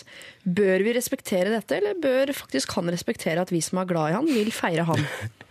Dette er interessant, fordi jeg er veldig, veldig lite glad i bursdagsfeiringer og sånn eh, særlig tvungen oppmerksomhet. Og jeg husker da jeg var liten, så nekta jeg å bli sunget bursdagssangen for. Oi. Eh, Utrolig sterkt. Ja, veldig rar form for Men den oppmerksomheten føler jeg er Jeg får et sånt rart ubehag av den, så jeg er veldig opptatt av å ikke markere bursdager. Um, jeg sier også hvis noen gir meg et overraskelsesselskap, så dreper jeg dem. For det er det verste som kunne skjedd meg. Oh, jeg har begynt å planlegge allerede. Fordi, men jeg tror det handler om en slags sånn kontrollgreie. Jeg er veldig glad i å kontrollere omgivelsene og i hvert fall vite litt hvor jeg har ting. Ja. Og ofte så blir sånne selskap så føles de kanskje litt tvunget, og de føles eh, litt påtatte. Eh, og for noen som er litt eh, følsomme eller sensitive, så kan det være bare en sånn kjempestor hemsko. Men og bare være veldig, veldig slitsomt. Og så hvis man da sier 'jeg har ikke lyst på en fest', så skal man jo egentlig respektere det. Som sagt, hvis noen hadde holdt et er overraskelsesselskap, alle som kjenner meg nå, ikke gjør det. Men det virker jo på en måte, nå tenker jeg litt sånn Patrick Syversen sett utenfra. Er det ikke alt du vil ha egentlig et ordentlig overraskelsesselskap? For jeg tenker sånn, Møter du ikke selv de døde den dagen, hvis, den dagen hvor ingen, ingen husker at du har bursdag? Er det ikke Ja, men da? det- men det sånn som den sånn- sangen til Benny Borg. Som, Oi, nå er jeg nysgjerrig. Nei, det er noen som har glemt Så bursdagen fine sin. kulturelle eh, referanser. Mm, Men vil- 37,5 og Benny Borg. Ja, men, men jeg tenker sånn, er det ikke sånn hvis ingen, har, hvis ingen husker bursdagen din? Nei, Det er jo Man vil jo selvfølgelig bli satt pris på, og det syns man er veldig hyggelig. Men jeg tror ikke at denne faren ikke får oppmerksomhet på bursdagen. Men det er stor forskjell på å få oppmerksomhet og få kort og få klemmer og kanskje kaffe og kake på senga av barna sine, og å ha et stort kalas. Fordi noen er ikke så veldig glad i det. Men seksårsdag er jo en gyllen anledning til å få samlet hele familien. Jeg syns jo Det svaret mitt på dette problemet er bare jeg synes ikke, altså den der, nei, Nå fyller jeg 60, vil jeg ikke feire det. Bare fordi han har blitt gammel og vil ikke liksom, stikke fingeren i jorda. Jeg som skal fleske til jeg, med et skikkelig overraskelses-hore-hallik-party. jeg. Altså gå helt andre veien. Det tror jeg, Og jeg tror han kommer til å sette pris på det. At gamle mannen får kle seg litt i lakk og lær. Og... Ja, det er sant. Kanskje man skal alle de hore hallik-festene jeg har vært på, det er altså så Det blir alltid gøy. Går du for hore? Alex, som stort sett? sammen? Jeg, jeg går stort sett for hore. Det ligger på en måte mitt hjerte nærmest. Du har sett Bridget Jones hvor de, hun skal på Hore Hallik-fest, og så er det ikke det likevel. Så har de glemt ja, å si ifra Det til henne. er flaut, altså. Så kommer hun i kanin, og så er alle de andre vanlige. Og ydmykende øyeblikk. Jeg valgte å ikke se det i filmen. Men, Tusen takk eh, for Bridget Jones-referansen. men altså, Live, du går for overraskelsesfest. Patrick, Absolutt. du er 100 imot. Da er du tungen på vektskåla. Jeg tenker, jeg skal si noe kjedelig nå. Hva med å gå ut på restaurant? Altså en mellomting. Eh, bare markering. Jeg tenker sånn, For dagen etter bursdagen så er det jo for sent, og hvis ikke du har gjort noe, tror jeg du kommer til å angre. Og det er jo sånn, De som lager fest, de gjør det ofte for seg selv. Det føler jeg er en ærlig ting. da. Altså, å, å, å feire ting. Jeg mener, Det er så, Det er fint, det er så mye jo- trist her i verden. Jeg mener, At du har bursdag, get over it. da. Vi skal ha en fest, vi skal kose oss. Ja, det kan jeg kontre med eller være enig i. At, jeg kan jo si det, at hele aspektet ved å samle familie, venner og samle alle sammen og ha en fest og ha en gathering er jo Mm. veldig hyggelig. Men uh, man må jo spørre seg selv hvorfor vil man ikke ha fest? Ja, jeg tenker eh, at uh, de har lyst til å feire han. Det er jo hans dag, så egentlig skal han få lov til å bestemme. Hvis de har lyst til å feire han, møtes på Alveien. da. Ta en liten Horehallik på restaurant. eh, Horehallik på restaurant. Er Eller bare hore. Hvis du Ja, ber, hvis, hvis du bare ber om sånn eh, chambre separé på restaurant, får du et eget rom, og da er det greit å ha oralfest. faktisk. Du skal jo inn og ut av det chambre separé nå, da. Jeg er på do Ja. med gagball i munnen. Alltid vanskelig. Det går mot liten eh, fest, altså en liten eh, 60-årsfest der hvor alle kan kle seg ut som eh, horer på en restaurant et eller annet sted. Eh, Jeg håper dere får en kjempe, kjempefin kveld. Lørdagsrådet på P3. Taylor Swift. We are never ever get, getting back together, synger hun. Det er en veldig klar eh, tale, og det sponser vi og applauderer vi her i Lørdagsrådet. Han som eh, Nå er det i livet som bare kommer med et lite innskyt. Mm. eh, At det er han som skulle gjøre det slutt med kjæresten sin, eller han vi i hvert fall rådet til å gjøre det slutt med kjæresten sin, kan du Mm. sette på den som bakgrunnsmusikk. Jeg syns synd på han som den sangen er skrevet til, ja, som bare plutselig har fått det smørt utover det ganske Ikke bare det ganske land, men hele kloden. Ja. Glem det, sånn, slutt å ringe meg. Den tror jeg er til- sjekketriks, ikke? Den låta til Taylor Swift handler om meg. Nei, da virker du gæren hvis du Ja, det tror jeg. Ja, Jeg er tror den handler om. Jake Gyllenhaal, for de hadde et eh, forhold, tror jeg. Ja, for han er lurt å gå fra. Ja. Kjempebra, Taylor. Han er det lurt å gå Kan fra. hende han er Men nå er hun, jo sammen, hun er jo sammen med en sånn Kennedy-fyr. Herregud, jeg leser så mye sladreblader. Er det sant? Jeg må skjerpe meg. Jeg må lese mer smarte ting. Og vi nullstiller. Der. Kjære Lørdagsrådet, her kommer et veldig fint problem, eh, folkens. Kjære Lørdagsrådet. I noen uker framover nå skal jeg sende inn en hel verden av problemer til dere fra forskjellige alias, fordi jeg virkelig trenger hjelp med forholdet mitt. Så dette er altså en kvinne vi kommer til å hjelpe mye framover. Men det første jeg velger å ta tak i, er det mest irriterende man kan tenke seg. Kjæresten min blir rett og slett så inspirert av det han ser på på TV, at det går utover forholdet. Ser han på Skal vi danse, så må resten av lørdagskvelden brukes på å øve inn samba. Og han kan virkelig ikke danse. Og krever at jeg ser på han med sex i blikket når jeg egentlig bare vil si 'du kan ikke danse selv om de gjør det på TV'. Hadde dette bare vært eh, til ørlite grann inspirasjon og forslag om et sambakurs en kveld eh, etter en episode Skal vi danse, eh, så hadde det vært greit. Men dette gjelder alt, hele tiden. Vil si at etter Sinnasnekkeren så har han pusset opp. Etter Sigrid søker kjæreste vil han spleise med søstera hans bror, hvorpå hun er 16 og han er 25. Og etter pinlige sykdommer, vel, da fjernet han tre føflekker som legen sa at var trygge. Og etter alt av actionfilmer, ja, da skal han lekeslåss. Jeg klikker snart, jeg orker ikke dette. Og hvis jeg prøver å snakke med han om at jeg faktisk blir litt flau, så bare ler han fordi han ser på dette som den beste egenskapen ved seg selv. Seriøst, hjelp meg. For vi har det egentlig topp, men jeg orker ikke den svært så barnslige egenskapen. Hilsen sambadronning på lørdag, Ghostbuster på søndag. Jeg er helt lik, jeg, som han. Ja. Uh, I min, eh, rett etter at jeg hadde fått barn, da satt jeg veldig mye inne og ammet. Uh, det er ørlite grann kjedelig. Ja. Og, da så jeg Jeg slukte alt av Kardashians. Altså Kim og Courtney drar til New York, og Kardashians 1, 2, 3 til 7. Eh, Og etter det så kjøpte jeg utelukkende klær eh, og ting i leopard. Jeg fikk fullstendig leopard Til deg eller barnet? til, og begge, det går utover alle. Ja. Ikke Tore. Ikke til Tore Sagen. Eh, og jeg var, ble veldig opptatt av negler. Og liksom, ja. Så jeg ville egentlig være en Kardashian. Det har heldigvis gått over. Håper. Eh, selv om det er noen innslag av leopard i hjemmet vårt etter den perioden. Så jeg, jeg lar meg ofte inspirere av det jeg ser på TV. Så jeg er nok på lag med typen din, egentlig. En annen som lar seg inspirere av leopard, Else Kåss Furuseth. Mm, Ja, um, er det et problem på ordentlig der? Det virker ikke Men- som det er mener- et jeg eh, Hun er veldig språksterk, hun som skriver inn dette. Men, jeg, jeg mener bare sånn at jeg, jeg, Det er jo så, det høres jo så slapt ut, da, men jeg skjønner ikke hva som er problemet. Jeg skjønner det kanskje på det føflekknivået. Da begynner du å sende sånn Men sånn ting i hverdagen som du henger deg opp i, da.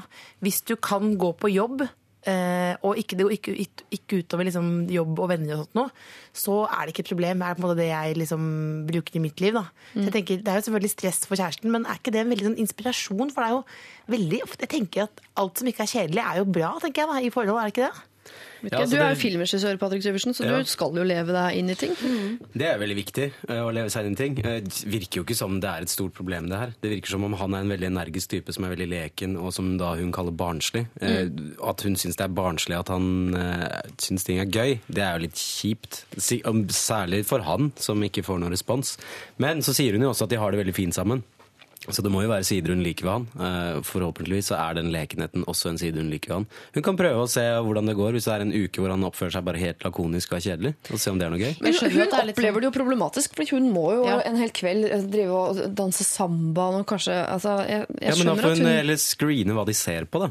Ikke se Ja, på Ghostbusters, det så skal vi danse. sin- Hun må bruke det til sin fordel. Og jeg tenker sånn, Han pusset jo opp huset etter snik- Sinnasnekkeren. Ja, så det kom jo noe positivt ut av det. Men jeg er jo heller ikke noe fan av å skulle danse rømba etter for å ha spist pizza, masse pizza en fredagskveld. Nei. For da er kroppen min tung, og den vil helst ligge i skinnsofaen eh, der jeg har parkert. Skinnsofa. Har dere skinnsofa?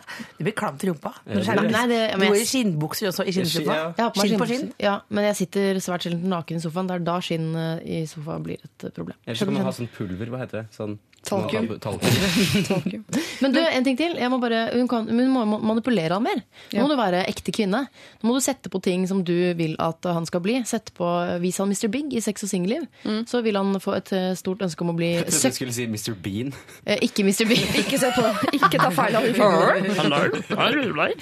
Nei, eh, Mr. Big i eh, Sex og singelliv, som jo er alle kvinners drømmemann. Så vil han kanskje få et ønske om å bli søkkrik og mystisk, for eksempel, som jo er, det, er den fineste kombinasjonen jeg vet om. Men hva hvis, jeg kan ikke det selv, men hvis du kobler opp dataene til TV-en, det har jeg ennå ikke skjønt hvordan man gjør, og setter på sånn eh, Pornhub eller noe sånt noe, så Ja. blir det jo på en måte, da blir det jo bare, Ja. bare Da må de bare ligge sammen hele tiden. Mm. Det er gøy. men, men, jeg tenker, men gjør ikke han det? Er, det er hjertet henne litt, og siden han sier dette er min beste egenskap. Men vi kan jo være hobbypsykolog og si sånn Er det noe han er på jakt etter? Hva er dette maniske driv, drivet mot TV og sånn? Men jeg kanskje- tenker, ja, jeg han føler jeg lov å si sånn Hei, luksusproblem. Kos deg. Mm. Det høres veldig gøy ut, syns jeg, å være i dette huset. Ja. Ja, jeg vil heller dra Men dit. jeg tenker at hun må være smart. Altså, hun må Ok, greit, du syns dette er irriterende, jeg anerkjenner det problemet. Men du, ikke bare skal du utnytte det, men du skal jo på en måte Du er jo smartere enn han i utgangspunktet. Sånn, altså Gud har jo skapt deg smartere. Du er heldig der. Ja. Eh, så du er nødt til å leke deg med dette. her. Du du må se hvor langt du kan drive det. Altså, sett på Animal Planet, da. Blir han en elefant? Eller, Men tenk altså, hvis det er så bra Sopranos, liksom- så skyter han naboen. Da må du ringe politiet. Jo, men lek med de greiene der. Altså, det er jo, det er jo kjempemange morsomme scenarioer. Er det ikke sikkert det å bli forelsket i først? Tror du ikke det? Er det ikke ofte sånn? At man blir forelsket i det mest irriterende? Man blir jo ofte forelsket på fest, og så etter hvert når man har vært sammen så hater man hverandre på fest. Så det er ikke så langt fra sannheten, de greiene der. Jeg, synes det, jeg merker sånn, Ikke send oss eh, mail eller SMS på hvordan dette går, men send oss en, en liten video. videosnutt eller et annet sånt, for dette her er liksom opp, Jeg vil være med å oppleve det Ja, her. så Det er egentlig to ytterpunkter vi sier her. Enten push det til the limit, så kan du se hvor langt du kan dra den. Eller Ja. så kan du liksom forandre testen, som jeg sa. Bare sånn, ok, Se hvor gøy det er hvis dere ikke gjør noen ting. Da tror jeg du kommer til å savne den lekende mannen som eh, danser rumba. Og faktisk, hvis dette er en så stor side av han som det virker som det er, og du syns det er en forferdelig side, så tenker jeg at Da må du drepe han. Ja, Nei, og du ser på TLC, der er det masse sånne kakekonkurranser. for eksempel. Cakebass. Det Ja, er masse- Cake bare, Boss. kjøp den der TV-bilag, denne bladet som bare er sånn TV-program, og så blar du inn der, så legger du opp uka ut ifra hvordan du vil at mannen din skal være. Det Luksusfellen. Masterchef. Ja. Jeg skal ingenting på fredag kveld framover, så hvis det er plass til en til i sofaen jeg møter opp. Men jeg må sove over, for jeg skal ha sending dagen etter. Jeg bare si fra den rett praktiske ordningen rundt det der. Lørdagsrådet. Jeg går rett på nytt eh, problem. Eh, regissør eh, Patrick Syversen, komiker Else Kåss Furuseth, radiodronning Liv Nelvik. Som er litt trett akkurat nå. Jeg er så trøtt. Jeg, trodde du skulle, jeg håpet på at du skulle si sexsymbol eller noe. Det er alltid så spennende å se hvilken tittel man, hvilken tittel man får. Hei, kjære snille Lørdagsrådet. Jeg er en jente på 20 som bor i Trondheim sammen med tre andre jeg ikke kjente fra før. To jenter som er like gamle som meg, og en gutt som jeg antar er ca. fem år eldre enn oss. Problemet mitt er at planløsninger på bofellesskapet ikke har noe felles rom hvor man kan oppholde seg. Vi deler kjøkken og bad. Med andre ord sitter alle og spiser alle måltidene sine inne på sine rom, og de få gangene jeg har snakket eh, med dem, er eh, at når jeg møter dem tilfeldigvis i gangene. Dette skjer ikke så ofte. Jeg har snakket med begge jentene litt, og de virker veldig hyggelige, og jeg har kjempelyst til å bli kjent med dem, for stemningen hjemme er litt unaturlig. Han gutten holder seg for seg sjøl og går alltid rundt med hodetelefonen, så jeg vet knapt hva han heter. Hvordan skal vi som kollektiv bli bedre kjent med hverandre? Alle vi jentene har uttrykt at det er ganske tåpelig at ikke det finnes et sted hvor man kan være sammen hjemme. Eh, Rommene våre er ganske små, ca. 12 kvadratmeter. Men ingen har kommet med noen god løsning. Håper dere kan komme med noen kreative forslag. Jente 20. Felles måltider. Hæ? Felles måltider, sa jeg. Felles måltider, eller ta en fest. Ha en innflyttingsfest, da. Ta en, eh, åpne opp alle dørene, og så kan man spre seg i alle rommene. Spille høy musikk og ta av seg på overkroppen og si at man elsker hverandre. Men hvorfor, hvorfor må man eh, ha fest hjemme? Hvorfor kan dere ikke Kan gå ut på restaurant? Men et eller annet med å innvie dette stedet, som på en måte er eh, tydeligvis veldig trangt. så da kan man åpne det opp og få alle til å føle seg velkommen overalt. Hvis det ikke er noen som har veldig veldig hemmelige Ja, ting men hvis på rommet sitt. da. de tre skal bli kjent, så er det aldri lurt at alle inviterer fem venner hver. For da sitter man på sitt rom med de fem vennene, da. Ikke hvis man Nei, det er sant. Jeg bodde alene i Trondheim, og da flyttet jeg dit 2. januar, eh, og kjente ingen der. Og da var det en på jobben der, eh, sjefen, som sa sånn eh, Tok meg på fest, skjenket masse alkohol. Nei, det er Vilde Batzer. som sa da eh, Dette er mine venner, eh, disse skal bli dine venner. Eh, jeg introduserer deg nå. Herfra ut skal du liksom klare deg selv, liksom. Som er veldig sånn at man tar med masse venner. Da setter man liksom standard. Men, Det er raust. men, altså, men det, det som er problemet, er jo at noen må gjøre det hvis man ikke har noen venner. Da. Det var det Alle burde ha en Vilde Batzer i livet sitt. Men, kan ikke, men at de har en, men at de har en, øh, en øh, At de har noen felles måltider, føler jeg er veldig sånn konemor å si. Men det er jo sånn Og det, man sparer jo mye penger på det. Ja, faktisk. vi vet jo ikke hvor stort Hun sier at soverommene er 12 kvadratmeter, sier ingenting om størrelsen på kjøkkenet. Men det er tydeligvis Men ikke noe stort spisebord der. Gå ut og spis! Ja. Gå på Egon. Eller, ja, det er, man Gå har på Egon penger. Fridays. Det finnes billige spisekjeder tilpasset studenter. Man får sikkert studentrabatt osv. Der kan dere sette dere rundt et Billige bord. spisesteder tilpasset studenter. jo, men det er visstnok et eller annet sted i Trondheim hvor du får uh, osteboller. Tre Ja. for 20 kroner, liksom, som visstnok er helt vilt. Det vet jeg alt om. Kjøper dere osteboller, da, og så er snakker dere sammen. Fordi jeg syns det er litt ekkelt å invitere folk eh, Hvis jeg hadde hatt et 12 kvadratmeter stort rom, skal jeg invitere folk på middag inn på det rommet. Men da kan du sitte i sengen min og spise. Det er veldig Ja, det er Jeg syns det er uhygienisk. Ja, men hvis vi snakker kjøkken, da, hvis de har en åpen kjøkkenløsning, eller de har ikke en åpen kjøkkenløsning, men de har et felles kjøkken. åpen kjøkken. og badløsning. Ja, det er litt ekkelt. Ja, det går Apropos hygiene. Ja. Nei, det, altså, ja. Hvis det går an å finne et sted i leiligheten hvor man kan spise og ha felles måltider, så hadde det vært en fin ting. Hvis ikke så blir det jo Fordi én ting er at de møtes utenfor, men det kan fort bli et sånt fort hvor alle bare holder seg til sitt. hun ber om noen kreative forslag. eh, Gå, gå på Egon er ikke så kreativt, er føler jeg. Livet. Jeg beklager. Men uh, hva med Gå på Egon! Det er tre soverom her på 12 kvadratmeter. Da Kunne de hatt du hver sin temafest? hvor det er Hore ikke- og hallik. Man inviterer ingen andre, man inviterer bare de. Så skal man se alle eh, pimper opp sitt rom til en temafest, og så har man først en time på fest på ett rom, så går man videre til neste rom, og så har man, fester man en time i hvert rom med det temaet som er i det rommet. Ja, men samtidig Jeg så har er sett på Paradise Hotel, de lå sammen på slutten der. Ja, Ja, det det er- det, det- som er kult, fordi alle kommer til å ligge sammen. Nei, men, er det ikke, men kan du ikke si at du har noe å feire? Eh, For da har man sånn jeg, Det har skjedd i mitt liv. Bachelor, bachelorstudie. Kom inn si at du der. har bursdag. Det vet jo ikke de. De Ja, men, nei, for da blir du gæren hvis du ljuger på deg bursdag. Prøv det noen ganger på restaurant. Kom inn der. Nei, men sånn at Du har på en måte kommet inn på et eller annet, du har noe å feire. Så har du med en pappvindunk, og så kan vi ikke hygge, hygge oss. Jeg syns hygge bør være så lite kreativt som mulig. Ja, da. Jeg syns det er alltid er eh, koseligst når man uh, gjør det enkelt. Ja. Men den pappvindunken er for eksempel et veldig godt forslag. det enkleste. Det Så kjøper inn en, si tre sånne da, for å skape skikkelig god stemning.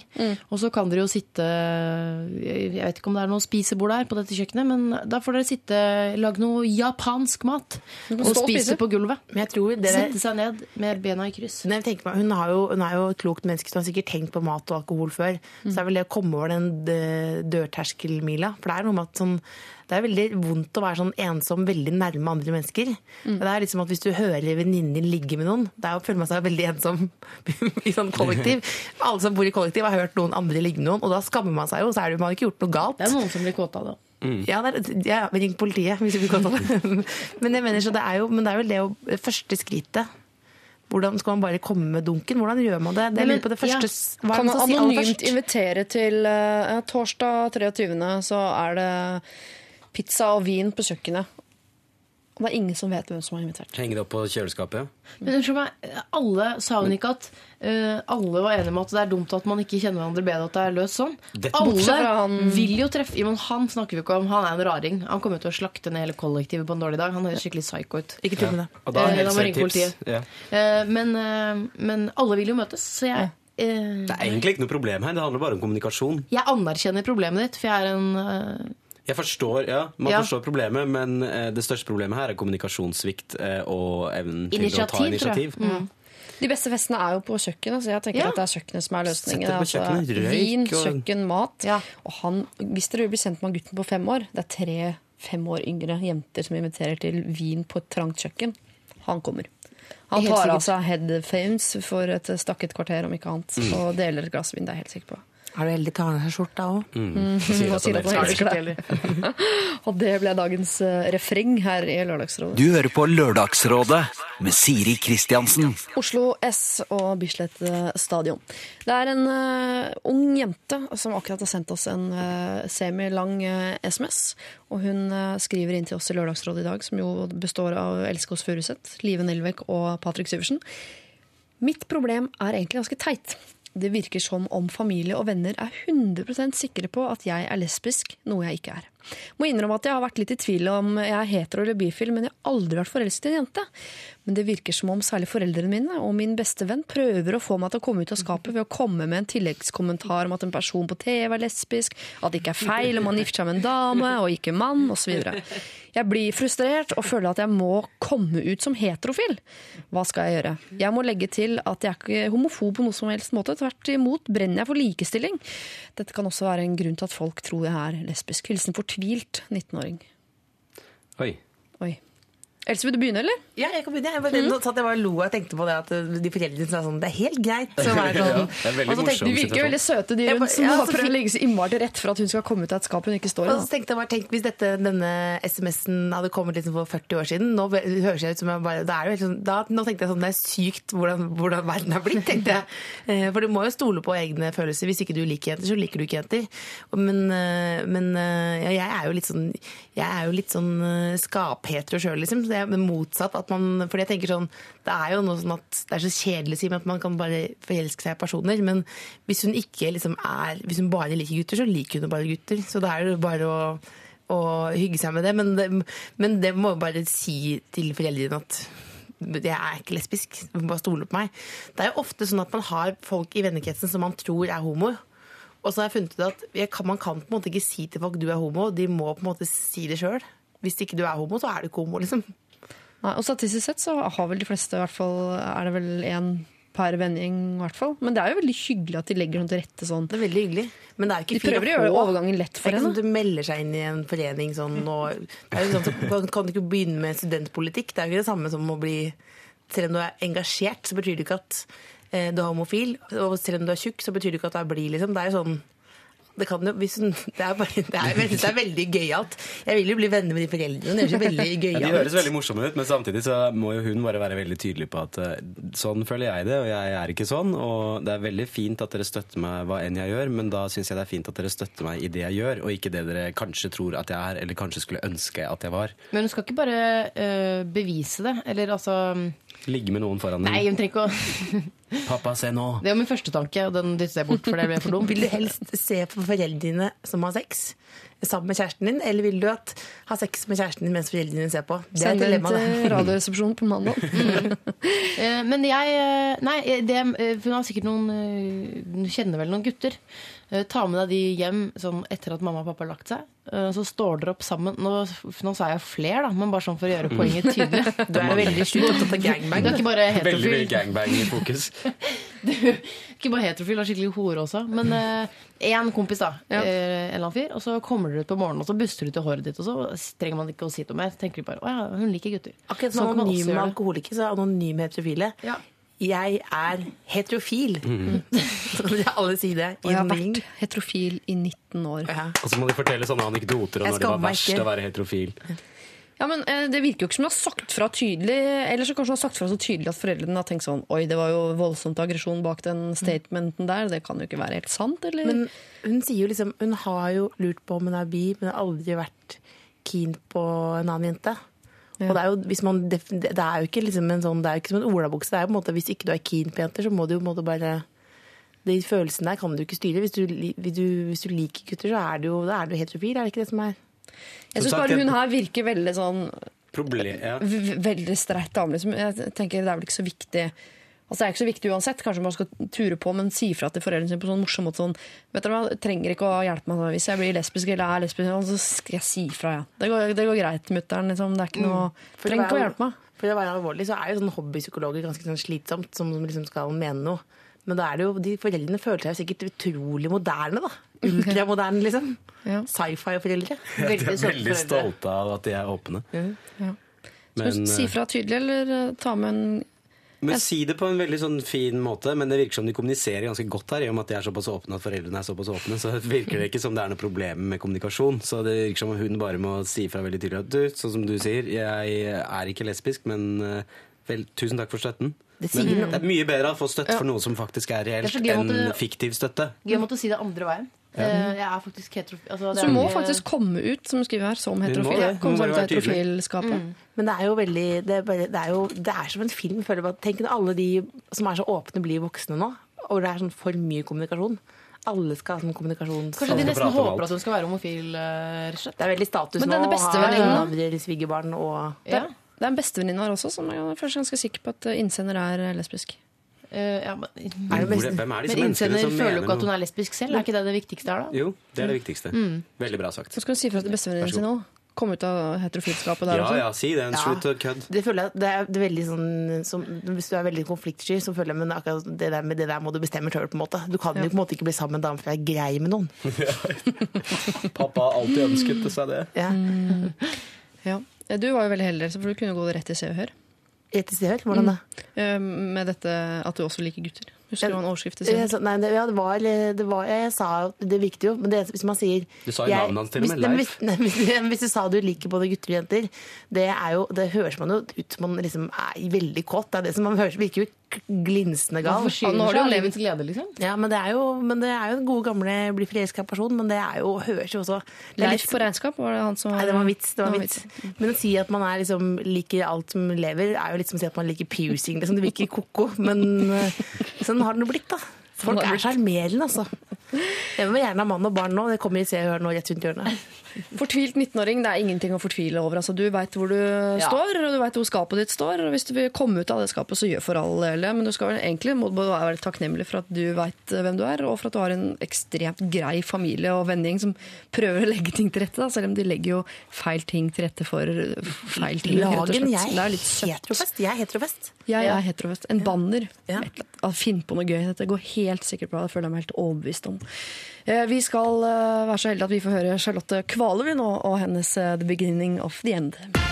M83 og deres reunion. Og reunion er jo altså, et så problemfylt område at jeg kunne snakket om det i timevis. Men det viser seg at livet du har et annet problem som er mer forestående i tid. Mer prekært, så vi tar det. Kom. Altså, det var mer sånn, Har dere noen problemer som dere vil ta opp? Og så gravde Jeg liksom, jeg må grave ganske dypt ned. Ja. Eh, Men jeg konstruerer det ikke. Og det er jo ikke et problem. Men eh, la oss, la oss diskutere det. Ja. Jeg har, En kjæreste. jeg har en kjæreste. En forlovede. En mann. Eh, og han liker å gå på jakt, og skal eh, på jakt. Eh, og så er det altså sånn at vi har blitt tilbudt Bytt? By, by. å være på en, en, en gård, en slags hyttesak, eh, hvor Uh, han kan gå på jakt, og så kan vi på en måte få en slags uh, litt sånn høstferieaktig, da. Uh, ferie, vi to. Og oss tre. Vi er jo tre. Og så er problemet er vel egentlig da at jeg har jo lyst til å Jeg vil jo ikke at han skal dra på jakt alene. Det syns jeg er, er litt trist. Men da blir jo jeg hengende rundt med den ungen hele dagen. liksom Skjønner du hva jeg mener? At, eh, for jeg, vi kan ikke være med på jakt. Man kan ikke gå på jakt med en unge. Eh, sånn at jeg blir da værende på denne hytta eh, på dagtid. Mens han går på jakt. Og så er det liksom sikkert ko- Det er jo hyggelig på kvelden og sånn. Men er det ikke sånn dere har det nå? At du er hjemme med babyen på dagtid, mens han er her Ja, i P3 på jakt har, eh, etter latter? Ja, men jeg har TV. Bra. Veldig bra. Det er min humor. Hashtag min humor. Er Seriøst, kan dere ta Jeg syns ikke dere tar problemet mitt på alvor. Jo da, Jeg har- her Jeg har løsningen, da. Jeg har løsningen. skal bare Jeg legge til at Her hjemme har jeg Kaffebrenneriet. Jeg har eh, Smoothie Exchange, jeg har Apple TV, jeg har vennene mine. Eh, Vil det ikke bli litt ensomt for meg som nybakt mamma å trille rundt oppi gud vet hvor? Vil du ha en løsning? Ja takk. Det er veldig kjedelig å gå på jakt alene også. Det er, mye, det er noe av det er jo den praten med andre mannfolk imellom. Så da hva med å ta et, eh, få med et vennepar? Ja. At han har en annen person ja. som, og så kan du, og så har, som er en hyggelig dame, da, som du kan Jeg har gått gjennom hele telefonlista mi. Det er ikke noe tilgjengelige par akkurat disse Nei, men da får du en nanny, for det, det kan man få til. Nanny på jakt. Mm, jakt. ta med er en Nanny nanny. på jakt. Do you want a nanny on your jacket? Men come eh, ta, ta rent med en praktisk, liten lenge, han drar sikkert ut på jakt før du har stått opp, for dette er sånn som skal gjøres i Otta. Nei, men sånn i, nei, ikke før. Nei, de jakter sånn Nei. femtida, gjør de Sånn ikke det? det begynner sikkert sånn klokka ni om morgenen, og så Ja, er man så hjemme sånn femtiden. Hva skal jeg Det er sikkert bare sånn NRK1 og TV 2 der, skjønner du. Eh, ikke noe å se på på TV. Det er sikkert ikke noe å kjøpe der. Men- er det noe mål? Jeg tror ikke det er noe å kjøpe der. Jeg tror du skal ta for gitt. Jeg Ja, tror ikke du skal ja. bli veldig skuffa hvis ikke det ligger en stokkflets på låven. sånn. Men uh, la meg snakke som erfaren tobarnsmor, da. Mm. Eh, at små barn blir fryktelig glad hvis de plutselig bare er et annet sted. Så kan være det at eh, Hvis du nå er lei av å ligge på gulvet hjemme hos dere at, eh, og gurgle, Jeg er ikke lei. Jeg trives godt hjemme, egentlig. men du kommer til å se at hun blir enda lykkeligere for å gurgle på et annet type gulv. Det er ikke mer som skal til for en baby. Trenger ikke å dra til New York. Me-time. Mm. Utvide horisonten. Det er smart. det. Miljøforandring dra. er bra. Dra på den turen, og så får du frisk luft, og så får du miljøforandring, og så Gud vet hva som skjer. Men skal- Tenk så gøy det blir å se vennene sine igjen, da. Og tenk så godt den latten smaker, og hvor gøy det blir å se på TV når du kommer tilbake.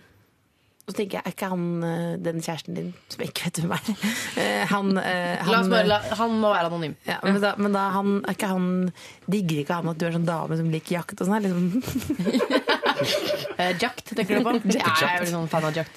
Og du, la oss bare gå ut fra at han typen din ikke hører på. Du kan jo dra opp dit og si sånn Det gjør vi. Du får gått på jakt. Du får gjort det du vil. Jeg får gjort det jeg vil. Så drar du opp og sier sånn og så faker du et eller annet når du kommer opp dit sånn at han må bli hjemme. Så blir det dere tre. Så kan du ta med yndlingsboka di, Fifty Shades of sammen. Grey. Du leser den ferdig. Jeg kan jo også holde disse, Hvis jeg ofrer meg disse dagene, så kan jeg på en måte holde denne opplevelsen som gissel og si nå drar jeg til Barcelona med jentene. Mm. Er ikke Så det deilig liv der. Barcelona med jentene. Drakt, Ja, Unge, bil, Apple TV. Jeg er glad jeg skulle får ønske jeg var livet Nelvik en dag. Ass. Det var så deilig liv. Kan jeg være med? Du kan hoppe i skinnbuksene mine når som helst. Da har I løpet av Lørdagsrådet i dag så har Patrick Syversen fått snikskryte av at han jogger hver morgen. Live Nelvik har fått snikskryte av alle elementene ved sitt liv. Else, jeg utfordrer deg til i løpet av neste låta vi skal gjøre nå, å finne på noe du kan skyte inn sånn snikskryting, imens vi andre prøver å finne ut hvem vi skal gi en T-skjorte til Ja, Mennesker av i kjøtt dag. og blod, ja. Ja. Banshee, Jamaica har vi hørt her i Lørdagsrådet. Og eh, vi skal eh, dele ut en T-skjorte, folkens. Jeg kan eh, kjapt oppsummere hvilke problemer vi har løst i dag. Eller i hvert fall prøvd å løse. Vi har jo eh, mannen i 30-åra eh, som mistenker at kompisen er forelsket i ham fordi han ofte tar av seg på overkroppen og vil kose og sier 'jeg elsker deg'. Eh, Så har du den noe yngre gutten som ikke er så fornøyd med at dama kler seg i dyreprint og ikke den klassiske snitt som han selv liker godt. Så har vi en jentegjeng på ti der den ene ødelegger stemninga for hun er så misfornøyd med livet sitt. Eh, og så er det han som er sammen med en jente alle liker, bortsett fra han selv. Han selv derimot liker jenta han er utro med, mye bedre, men hun er det ingen andre som liker. Man får ikke T-skjorte for å være utro. I hvert fall ikke i min verden. Nei, det er ikke så vanlig. da får du klamydia, da.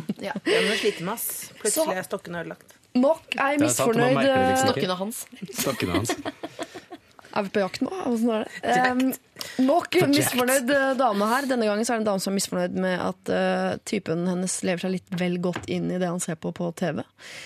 Og så har vi dette usosiale kollektivet. da, En som gjerne vil bli sendt med sine, uh, de hun bor sammen med, rett og slett. Send fire til kollektivet. Og så har du hun som ikke er lesbisk, men alle tror hun er lesbisk. Det er det siste du trenger når Peter T-skjorte, for han ser det veldig lesbisk ut. Og sist, men ikke minst Live, da, som er usikker på om hun skal ofre kaffelatten for å bli med mannen hun elsker, som hun snart skal gifte seg med eh, til fjells. Et, Et sted hvor det er frisk luft. Ja. Men Ja. Eh, det Det er jo må være det kollektivet, kollektivet eller eh, denne jentegjengen. Jeg tenker at kollektivet er kulest, fordi eh, da, det er en icebreaker. Se her, skjorten det er så vanskelig. for det er Men sånn- dere kan ikke bestemme at vi sender ut fire T-skjorter. Så jeg har sagt én T-skjorte, så er det på en måte det dere må forholde dere til. Man må gi det til han her som blir Så så det opphengt i alt da. Så blir han helt sånn P3-gal og Men, hva, men det føler jeg er så vanskelig. Akkurat som rebusen på slutten av Nytt på Nytt, hvor du skal si hvem skal ut. Sånn det er jo alltid. Det det er alltid Siv Jensen som skal ut, da. NRK hater jo Siv Jensen. Jeg er veldig for slett. Nei, men du, jeg tenker at uh, Hvem er det som har det verst? Kan ikke bare den få en T-skjorte? Men alle trenger jo kle på seg. Han fyren som kler av seg, trenger jo å kle på seg. Uh, og så er det hun som har dyretrykk. Hun trenger jo nye klær. Ja. Um, Ja, men jeg tror han søker Han vil jo at dama si skal kle seg stiligere. Og ikke altså Flott T-skjorte. Men den er jo ikke liksom eh, Det er ikke design, det er det ikke. Den er, den er rett, i, rett i formen. nei, det er ikke klassisk pent snitt. Som hun vil ha. Men, da, men, hun, men er det kollek... Hva syns du, Siri? Hva med at på ti hvis vi sender ut ni T-skjorter, da? Sånn at hun tiende Føler seg helt utenfor. skikkelig får føleposen der. Ja. Og... Ikke barn, ikke. P3-T-skjorte, ikke mann.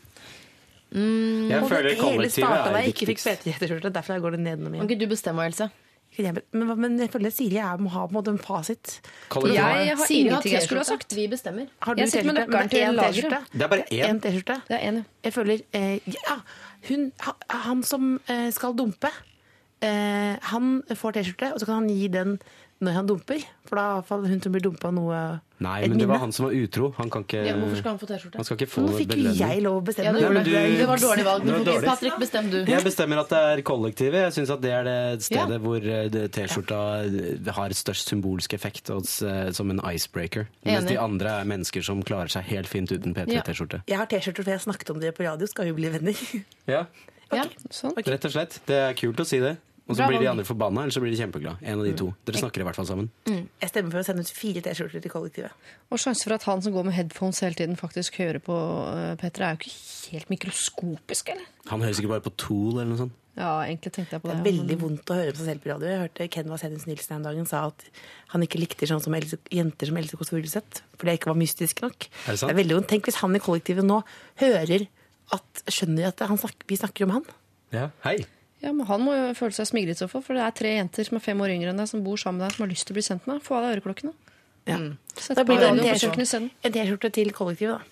Ja. En T-skjorte til kollektivet. Det er bare én. Du er, er Nei, det er bare én T-skjorte. Nei, det blir, nei, i dag blir det Dette sier jeg bare for å få utøvd makt, for det er ikke så ofte man har muligheten til det. Nei. Eh, Jeg kunne helt sikkert ha sendt fire. Jeg har tilgang til fire T-skjorter, men det blir én.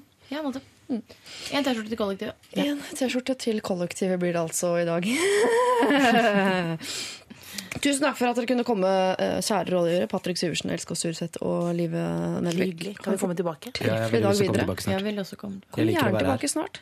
Sammen, eller eller hver for dere, eller åssen det måtte være. Hva skal vi gjøre etterpå? Er det noen som vil gå på kafé etterpå? Ja, jeg har lyst til å gå på kafé. Gå på kafé, dere. Jeg skal bare gi litt informasjon til uh, våre elskede lyttere om liksom, podkastting osv. Men først hører vi Audio Slave med Be Yourself. Takk for i dag. Ha det! Ha det! Lørdagsrådet på P3. Audioslave og deres Be Yourself, som jo egentlig kanskje er et av de beste rådene som har vært gitt i hele eh, dagen i dag, for å være helt ærlig. Be Yourself. Ja, kjempefin sending vi har hatt her i Lørdagsrådet i dag. Den kan du selvfølgelig podkaste i sin helhet, men da uten musikk. Og det gjør du eh, via iTunes eller på nrk.no podkast eller p3.no podkast. Det er masse muligheter ut ifra hva slags type eh, mobil du har osv. for hvordan du kan podkaste dette. Vi har lagt ut et bilde på Facebook-siden vår som er veldig fint. Livet er blendende vakker. Elsa er fantastisk skjønn. Patrick er heit som et fjell. Og jeg er også med. Eh, Hvis du har problemer du vil dele med oss, så eh, ikke bruk eh, SMS, da, for plutselig så tar de problemene våre og bruker de popsalongen eller andre typer steder på P3. Det syns vi er så leit, så du må sende det eh, eksklusivt på mail til oss.